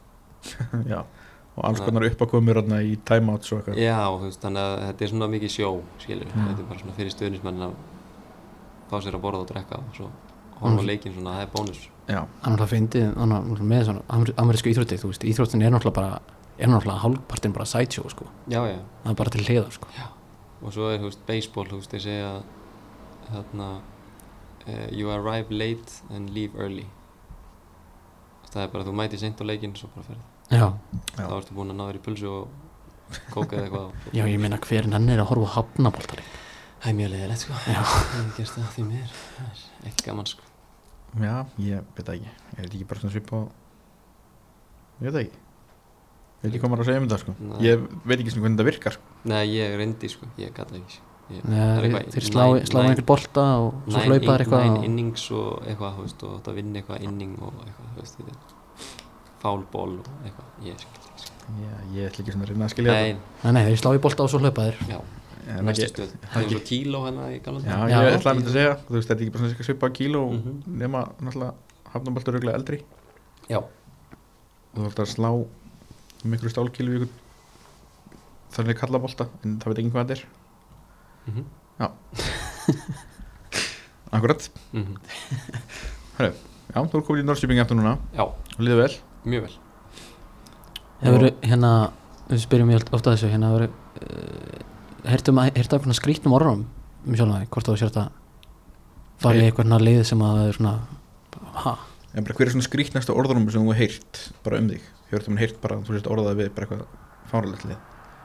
um, Já, uh, Aston Villa og Brentford hvernig var það? þegar ég var í Malmö Já það var, það var aldrei upp á borðið, það var bara Nei, eitthvað bara eitthvað, ég spurður að því bara eitthvað, herri, Aston Villa það. Þú ert að segja mér fyrir þetta, sko, ég hef ekki svona skapað sko. Að, nei, en það er, já, það Var það nokkuð þegar Birgir Björna var þar eða? mm, ég held að það verið rétt fyrir það. Já, þegar þegar að fór til þeir eru kannski búin að rugglast á Íslandingum Mjögulega En nei, nei, það var, já, það var eitthvað að koma hann í eitthvað Birmingham post og eitthvað svona að, eitthvað greinum og eitthvað svona ég, meira veit ég ekki sko. Nei, nei, kom aldrei til umbá, umbá, umbásmannsins eða, eða mín sko nei En hefur þetta verið með tilbóð bara frá Englandi? Eða einhverjum af svo stærstu löndum? aldrei konkrét, nei það er bara svona, þú veist áhugi, skilur Mm. bara, en það er það er rosalega langt í landi að ef það er bara áhugi, sko, þú veist að að liðin þurfa að ná saman og leikmæðin þarf að ná saman við liðin og svo þarf að kaupa því og svo lækniskoðun og það er allur En er þetta ekki yfirleitt þannig að þú veist, félagi ná saman við leikmannin áður en þeir fara að gera og... Það er einmitt hérna ég, ég veit að Hjörvar Hjörvar Haflega hefur, svolítið talað um þetta maður svona maður, uh, sérstaklega þeir sem hafa að spila fútbolmanager Mhm. mm svona, hafa, hefur svona ranga, ranga sína á þessu. Mhm, að því maður í fútbolmanager þá náttúrulega fyrir maður fyrst og, og, og þannig að og býður í leikmannin og svo tala maður Mhm. við hann. Það er sem búið að Aha, Nú- ég, hef ekki spilað get, nú getur þú farið í og veist Já, þú getur talað við agentin agentinn. fyrst, já Já, ok. Hvort hann verið til og það bara hann er til fyrir þetta og þetta Eða, þetta, er, þetta er núna er þetta, þetta er bara þannig sko. bara tala við leikmanni fyrst og hvort að það sé verðt þetta að brótsa þá liðið. Ef ekki, þá, ef leikmanni er ekki klára þá tekur við ekki að senda hann til það Hvað er, hvað er svona stærsta liði sem, sem þú veist að hefur haft áhuga á þér? Það? þú veist, Já, bara þú veist, eða, eða þú veist, þessi rúmors hann skilur Mhm. um, ætli það ekki En hvað er svona stærsta liði sem hefur sett í samband? Bara svona tjekka þér? um, ætli það sé ekki bara eitthvað í, það var eitthvað í Tyrklandi eitthvað talað um eitthvað með hvort það besiktas að eitthvað. Mm. en svo var ekkert meira, mikið meira því. Hefur ekkert verið nálægt í að fara eitthvað hérna annað en, en þannig að fórst síðan eitthvað, þú veist eins og þú talar um að þannig að Galaxy og, og Real Salt Lake hafði, hafði áhuga. Mm en þú fórst frekar í New England. Já, eitthvað annað svona nei, ekkert, ekkert þannig, þetta hefur mest vegnis verið bara svona uh, liðin hafa approachað og svo bara einhvern veginn lýst mér vel á hlutina og, og ég farið sko og ekkert einhvern veginn hlusta á mikið meira En- Þannig. Þú veist, hvernig virkar veist, þetta ferli fyrir sig? Bara segjum bara, veist, ég ætti bara, ég var í stjórn hjá bara Krista Pallas eða eitthvað Mhm, og ég myndi, ég myndi vilja sæna þig. Þú veist, Hvernig myndi það virka? Myndi ég bara, myndi ég hafa saman með agentin eða? Já. Og bara er ég hérna, hérna pælið þér, pælið þessum gæja, hérna, hvað myndi þið þurfa? mhm, Já, þetta er þannig Það Hvernig- er, það eru umbásmenn sem að sjá um og svo oft, veist, eins og ég hef sagt við mína umbásmenn að, þú veist, þegar að ég vil ekki fá að heyra eitthvað allt og mikið, þú veist, fyrir en að sé bara orðið Mm. konkrét að, þú veist, þetta er, mjög, þetta er bara að fara að gerast, skilu, að þá, svona, þá má láta mig að vita, þú veist, ég hef ekki vilja, e, semst að, að heyra of mikið, þú veist, það getur oft stíðið mann til höfus bara.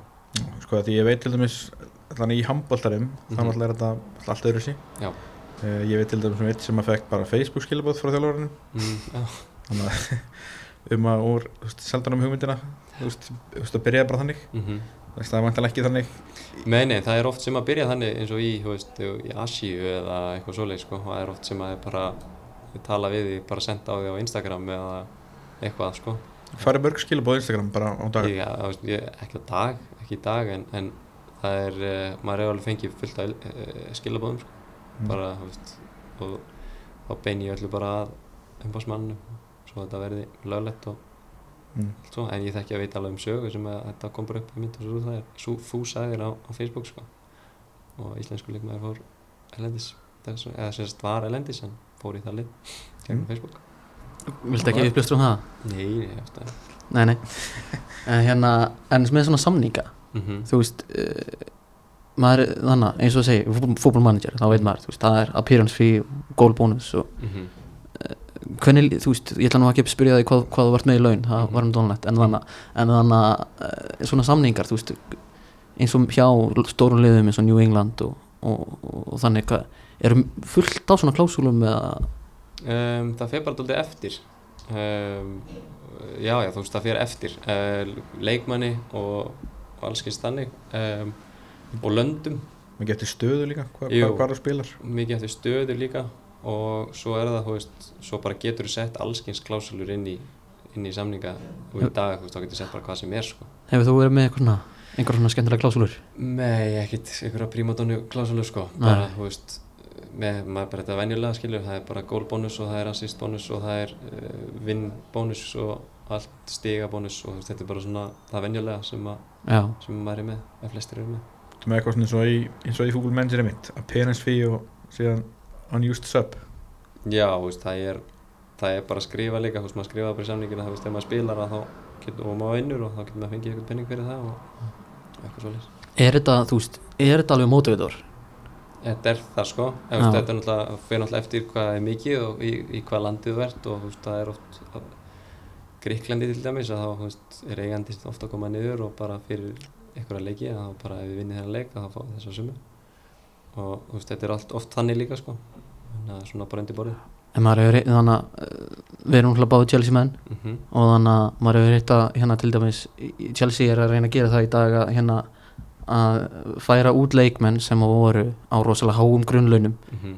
og kom, taka inn leikmenn sem að verða á svona incentivized uh, samningum. Og þannig að maður, svona, þú veist, maður hefur svona pælið, þú veist, er þetta í rauninni þú veist, er ekki alltaf leikmenn bara að vinna, reyna að vinna leiki þú veist, er þetta actually eitthvað svona til þess að íta þeim í áttina að vinna fleiri leiki eða, Já, þú veist, ég hef ekki skilið það sko. Ég fer ekki inn á fótboltavöll til þess að ekki vinna fótboltaleik sko. Þú veist, þannig að þú veist, ég, nei, ég, ég skil það ekki sko. Þú veist, það er einhvern veginn eitthvað extra motivation einhvern veginn að vitandi það að vinn ég það ég er ekki að hugsa út í það meðan ég er inn á Nei, nei. sko. um, en þú veist fyrir suma örgulega en eh, ef ég bara tala fyrir mig þá hef ég ekki að hugsa út í það þegar ég er að spila sko. En hérna uh, mér langar svolítið að skipta um takt að öðru. Hérna uh, þú uh, spyr náttúrulega ef við fyrir maður í landsleisferin þér. Þannig að þú byrjar að spila á miðjunni núna. Miðri miðju fyrst undir Arnari. Mm -hmm. Djúpum já. Uh, kom þá óvart eða? Nei, eða veist uh, það kom mér alltaf óvart. Já, það hefur eflaust komið flestum óvart þar sem ég, veist, ég steppi mann og eftir mér sem bara miðjumanni mm. bara því ég var yngri og bara í keflæk og, og áður en ég fer út. Að, en svo einhvern veginn í Norrköping að þá er ég færður út á kantinn sem svona bara, bara já, nánast fake kantur ég einhvern veginn spilaði Norrköping þannig að ég var bara nánast á miðjunni.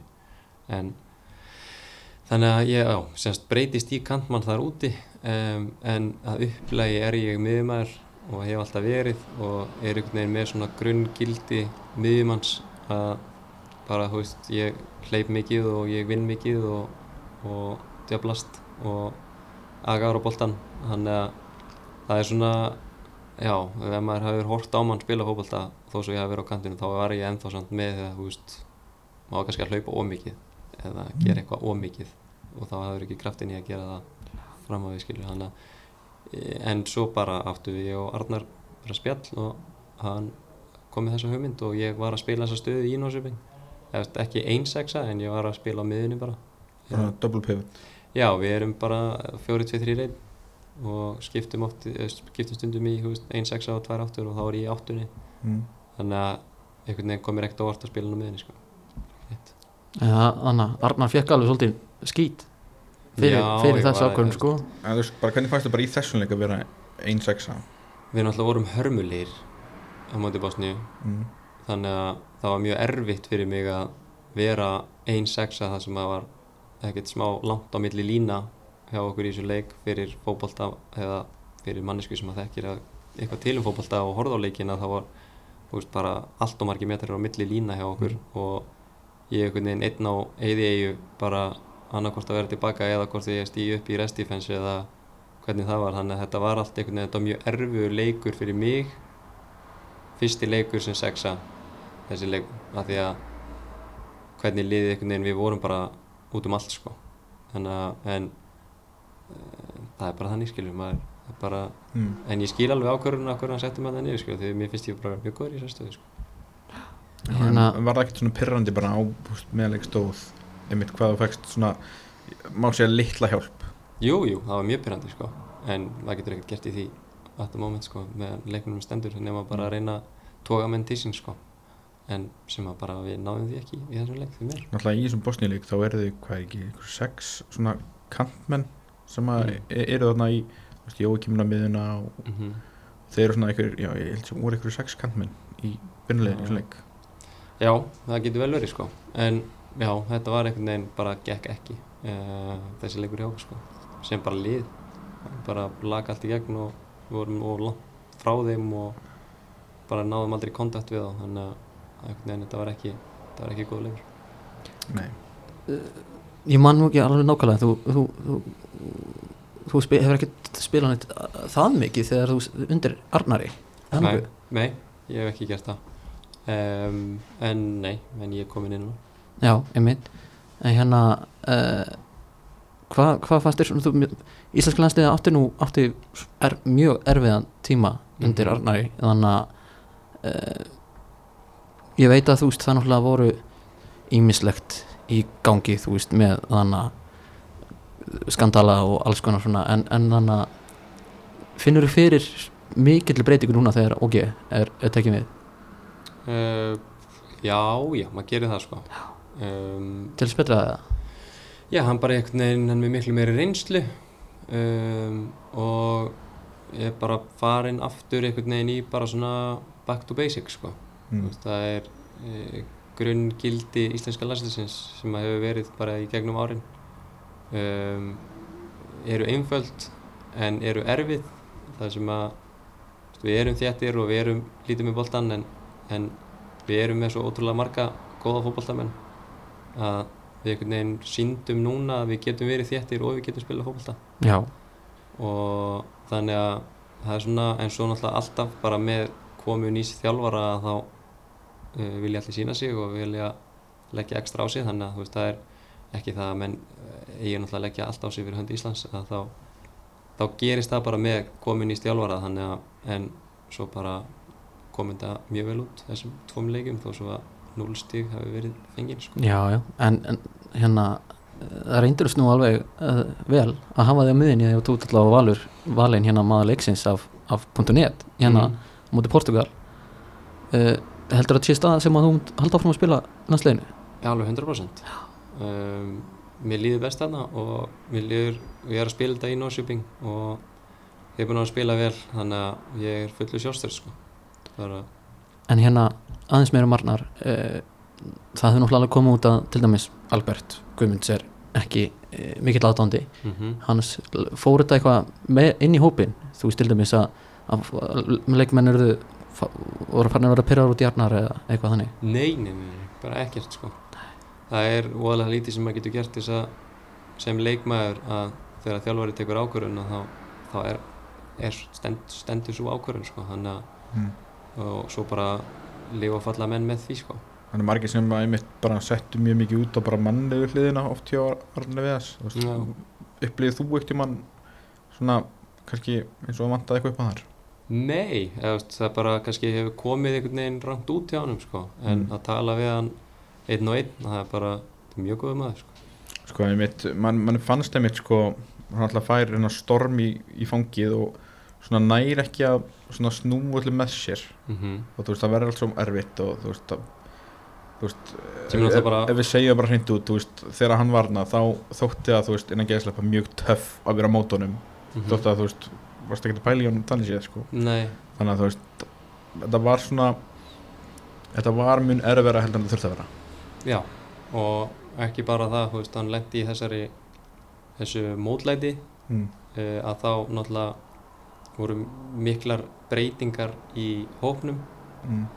og að setja saman nýtt landslið á mjög stuttum tíma og ekki með mikla reynslu í, hvað maður að segja, í bara svona landsliðsfótbolta að það er mjög erfitt. Þetta er Mm. ekki félagsliðsfótbolti um, þar sem að þú getur bara gert mistök og, og bara svo skoðum við það og heldur er þetta bara þú vinnu þín dúel við þinn mann og svo bara vinnu við fótballtaleikin skilur. Þetta er bara þetta er þannig business. Og- Ekki ákveði hugur ekki líka hjá honum að, veist, hann reynir að breyta leikstilum. Já, svo, veist, svo er það líka þannig að, en ég hef ekkert út á hann að setja Nei, en kannski ef við förum bara þá bara alveg aftur bara í, í upphæði, þú náttúrulega, það er Lars sem að veliði fyrst ekki, Jú, Lars og Heimir. Og svona- 2015 já, þú kemur hann í helviti gott leið maður. Já, ert svona í, í svona já, bara með Lars og Heimi til að Mhm. byrja með.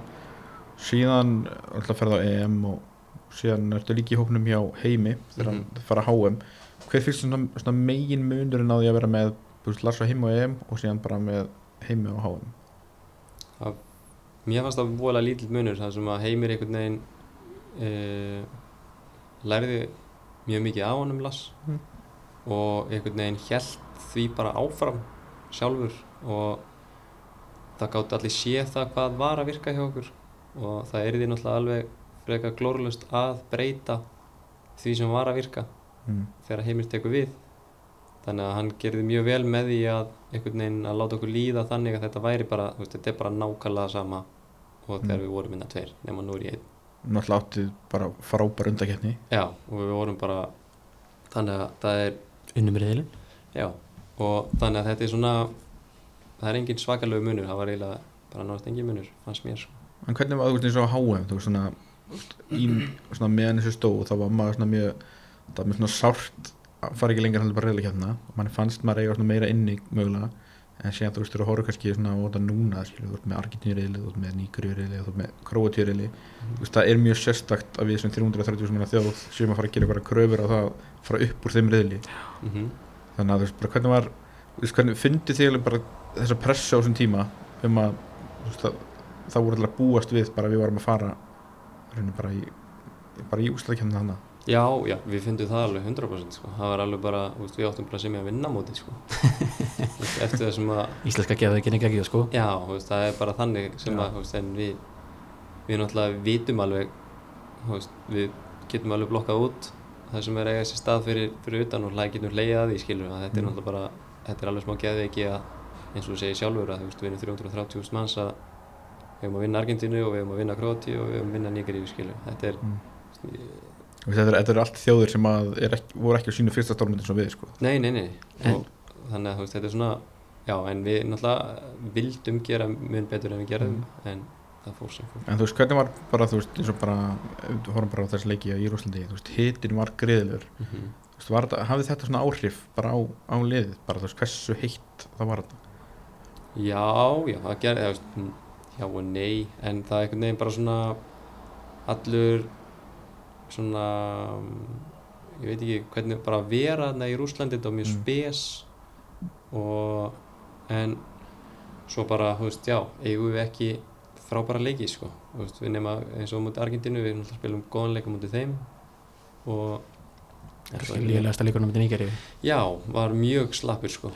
Og það var einhvern veginn svona hvort það hafi verið bara vannmatt sem er náttúrulega mjög fyndið.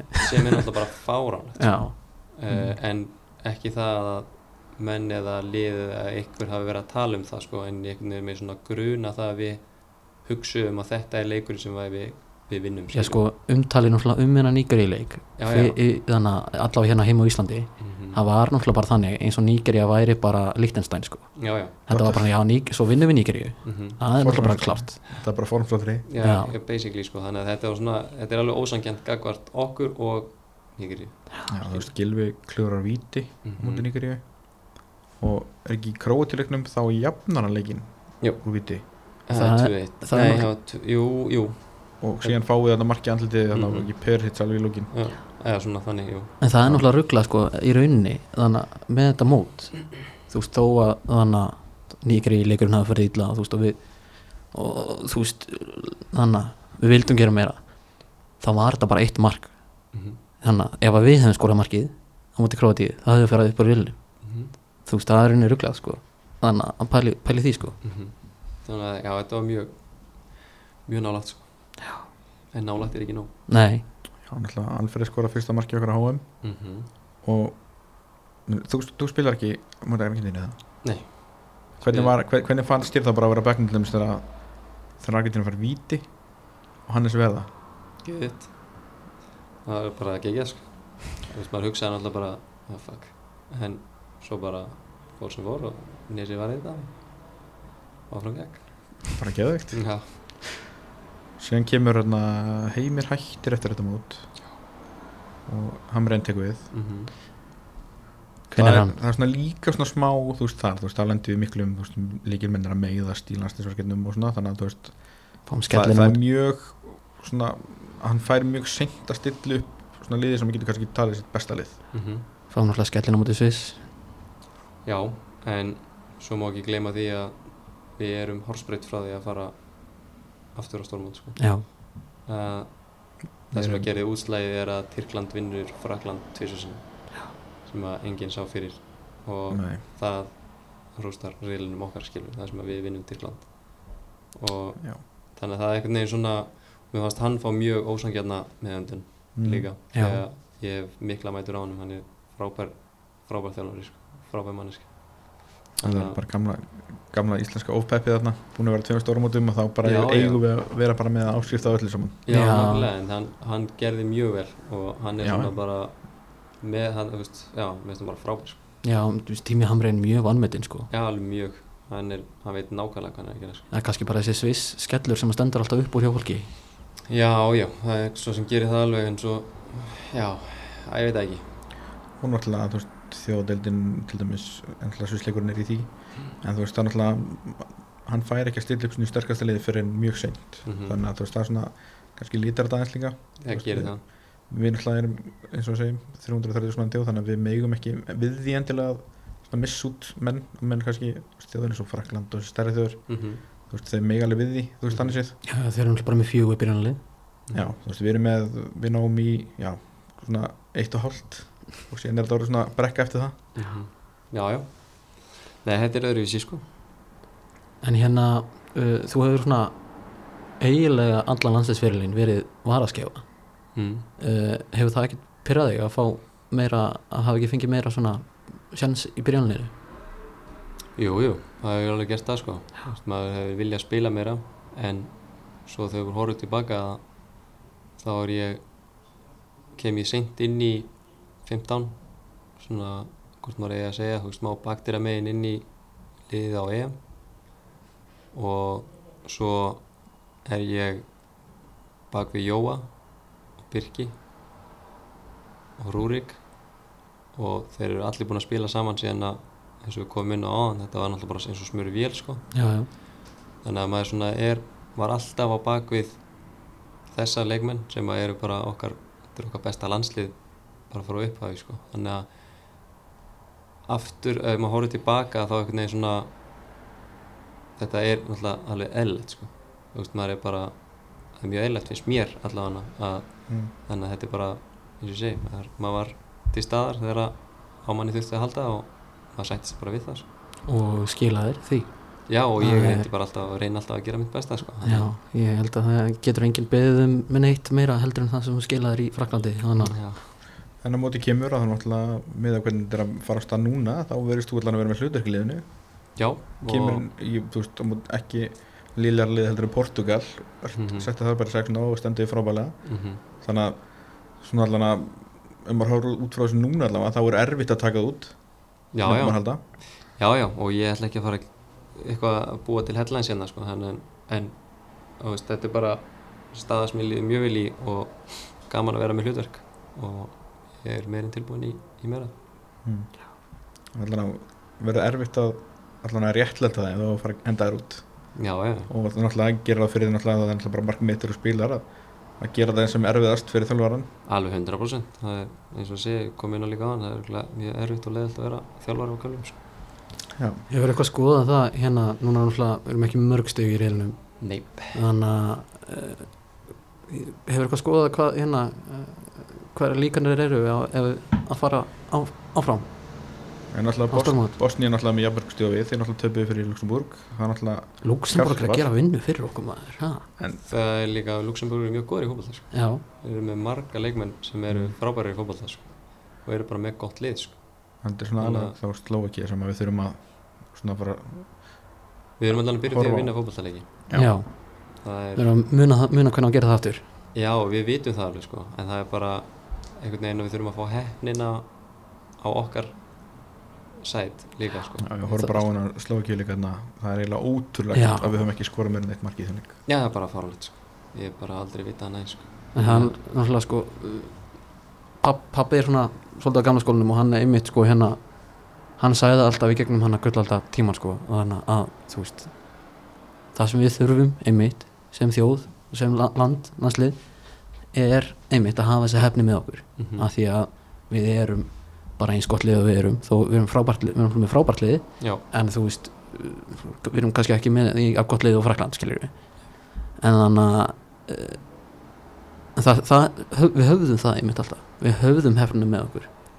En þú ert að skapa þína einn hefni líka. Já. þú kemur bara ekki til maður sko. það er ekki líka búist, með OK, hann alltaf er að koma með svona ákveðið mentality eins og til dæmis eins og við vitunum fyrir leik þá einmitt, þú veist, nefnd alltaf þessu núregnum dæmi, þú veist, þeir eru með Holland og Ödegard og svona eitthvað, en þú veist, þetta gengur svo ekki frábærlega hjá þeim, þannig að þú þarft að vera með meira heldur en bara veist, þetta þarf að vera samspil margar að þátta mm og þú veist, einmitt tók það einmitt að, þú veist, grunngildi íslendingana, þú veist, í gegnum tíðina hefur verið þessi, liðseld og samheldni -hmm. sem hefur fleikt okkur svona eins langt og við höfum komist nákvæmlega og Þannig- það er það sem við þurfum að halda í bara sem þjóð nánast sko. Þú veist, að, það má ekki fara fram úr sér sko.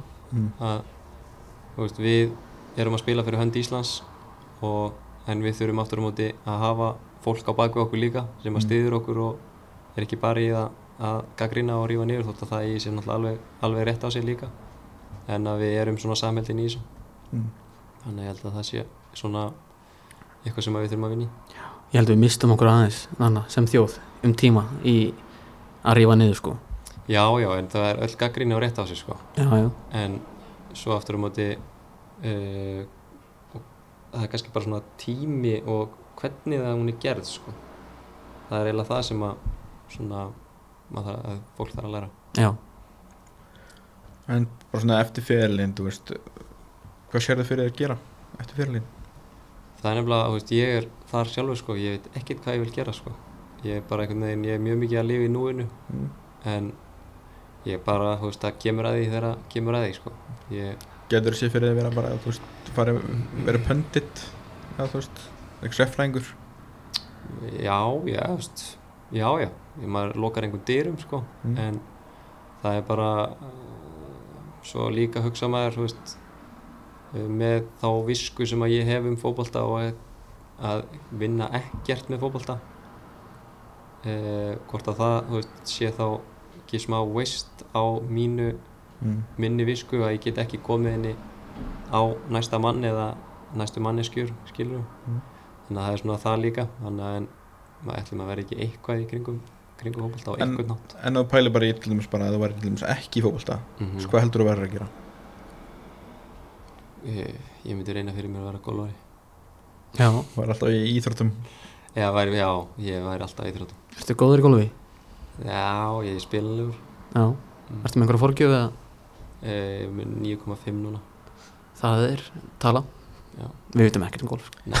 Ég veit að Herbert Guðmundsson með 14 já, og það veist að vera svagalegt já undir er ekki betra að vera með lava? jú, Já. betra að vera læri en herri sko. þetta segir svona kannski hvað ég veit mikið um golf. Já, já, en svona, ef þú var, segjum bara þú var að hitta bara 16 ára þig núna mm hvað heilræði myndir þú gefa þér? uh, ég myndi reyna að njóta augnabliksins bara í núinu því að því að þetta, þú veist, þetta fer ógeðslega fljótt, þú veist, þetta líður ekkert eðlilega fljótt og það er oft sem að maður svona appreciatear ekki mm. hvað maður hefur það gott og hvað maður er að gera. Uh, er að, þú veist njóttu augnarblísins bara og reynda að vera í núinu. Og við horfum bara á EM sem dæmi, þú veist, það er 8 ár síðan. Já, það það er galið langt síðan. Sem að, ef maður svona pælir í því.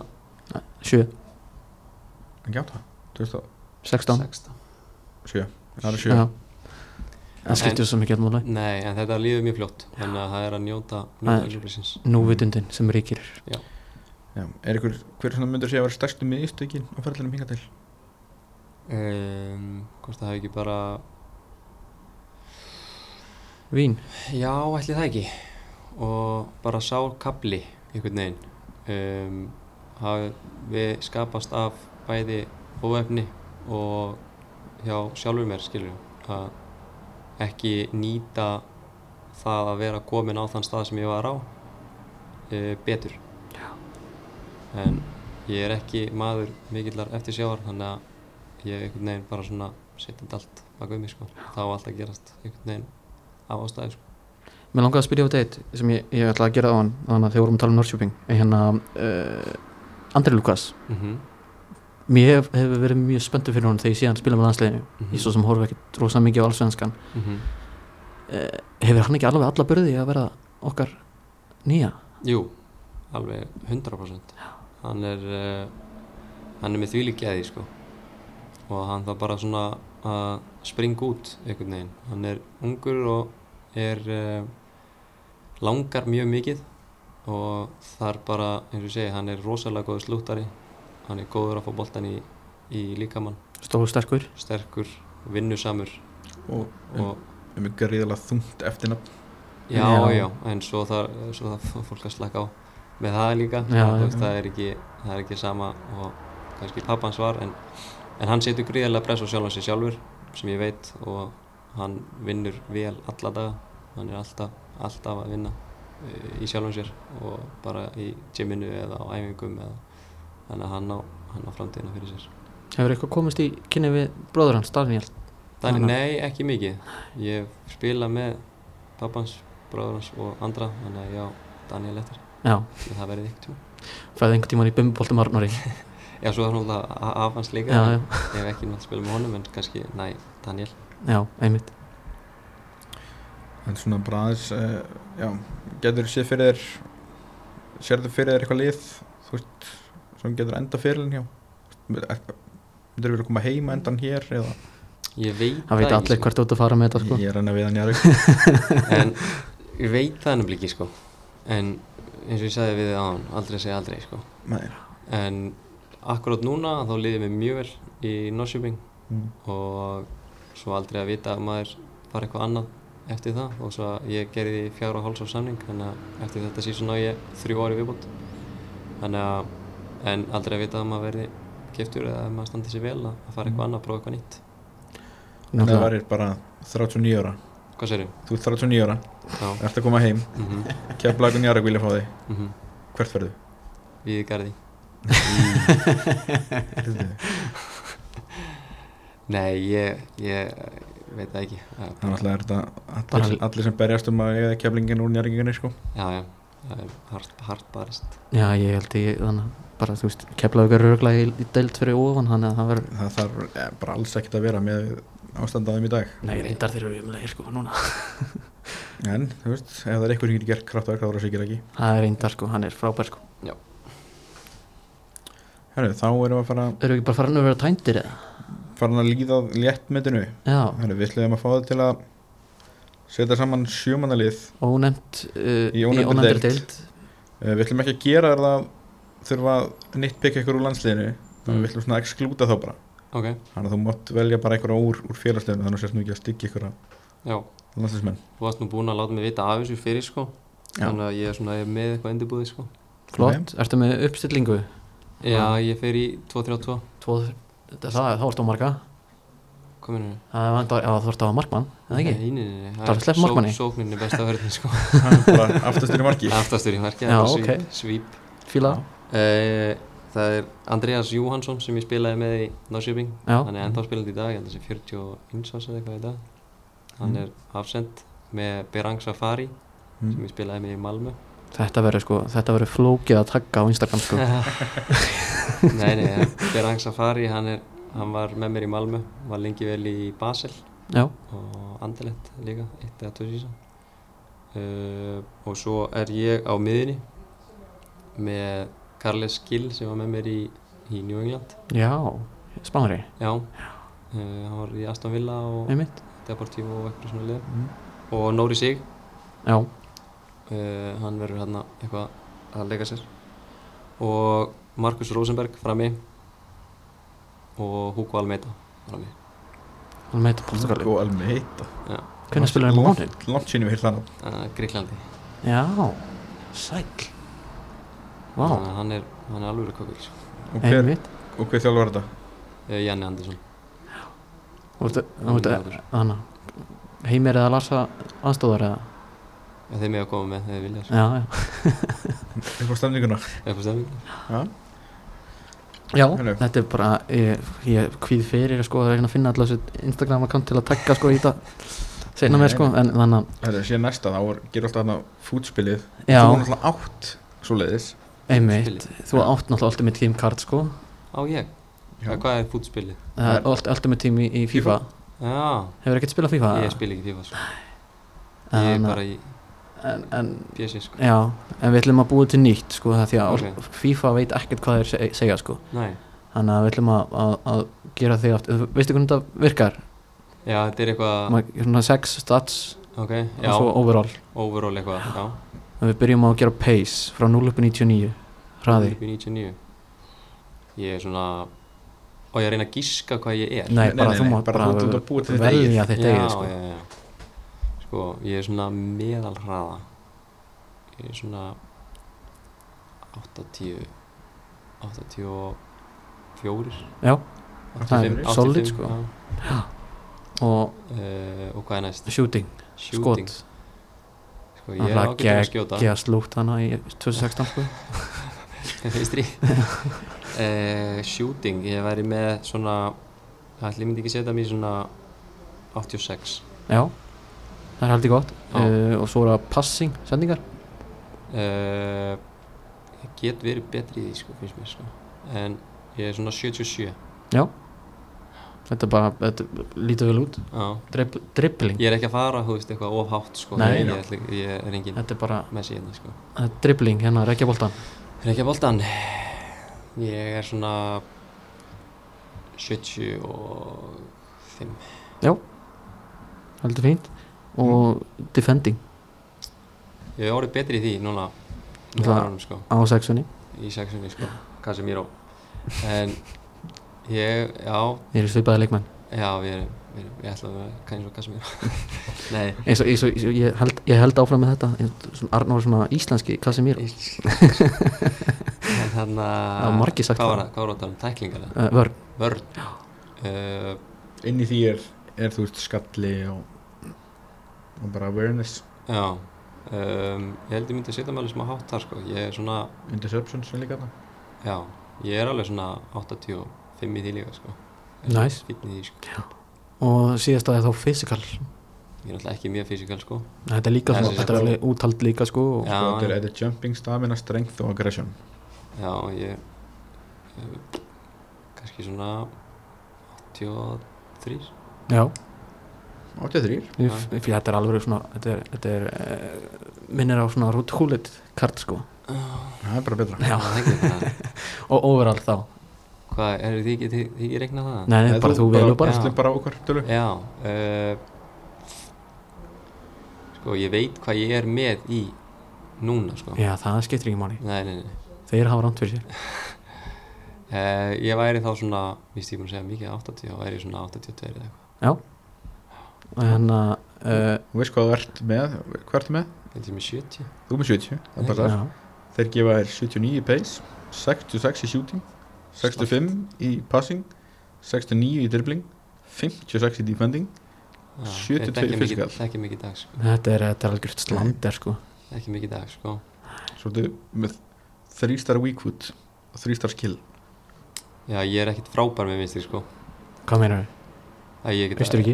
Já, Iconic mark. Já, ég veit. En hérna, það hva, hvaða stöðu á ég setja það í? hvaða stöðu? Já, ertu, á ég setja það í, í bara CDM eða, þú veist, defensive mid eða bara, E, já, bara miðja sko. Bara CM bara? Já, central midfield sko. Já, Kartið svo ert með, það ertu left mid og auka stöður. Svo getur valið stöður, það getur verið left wing eða center mid.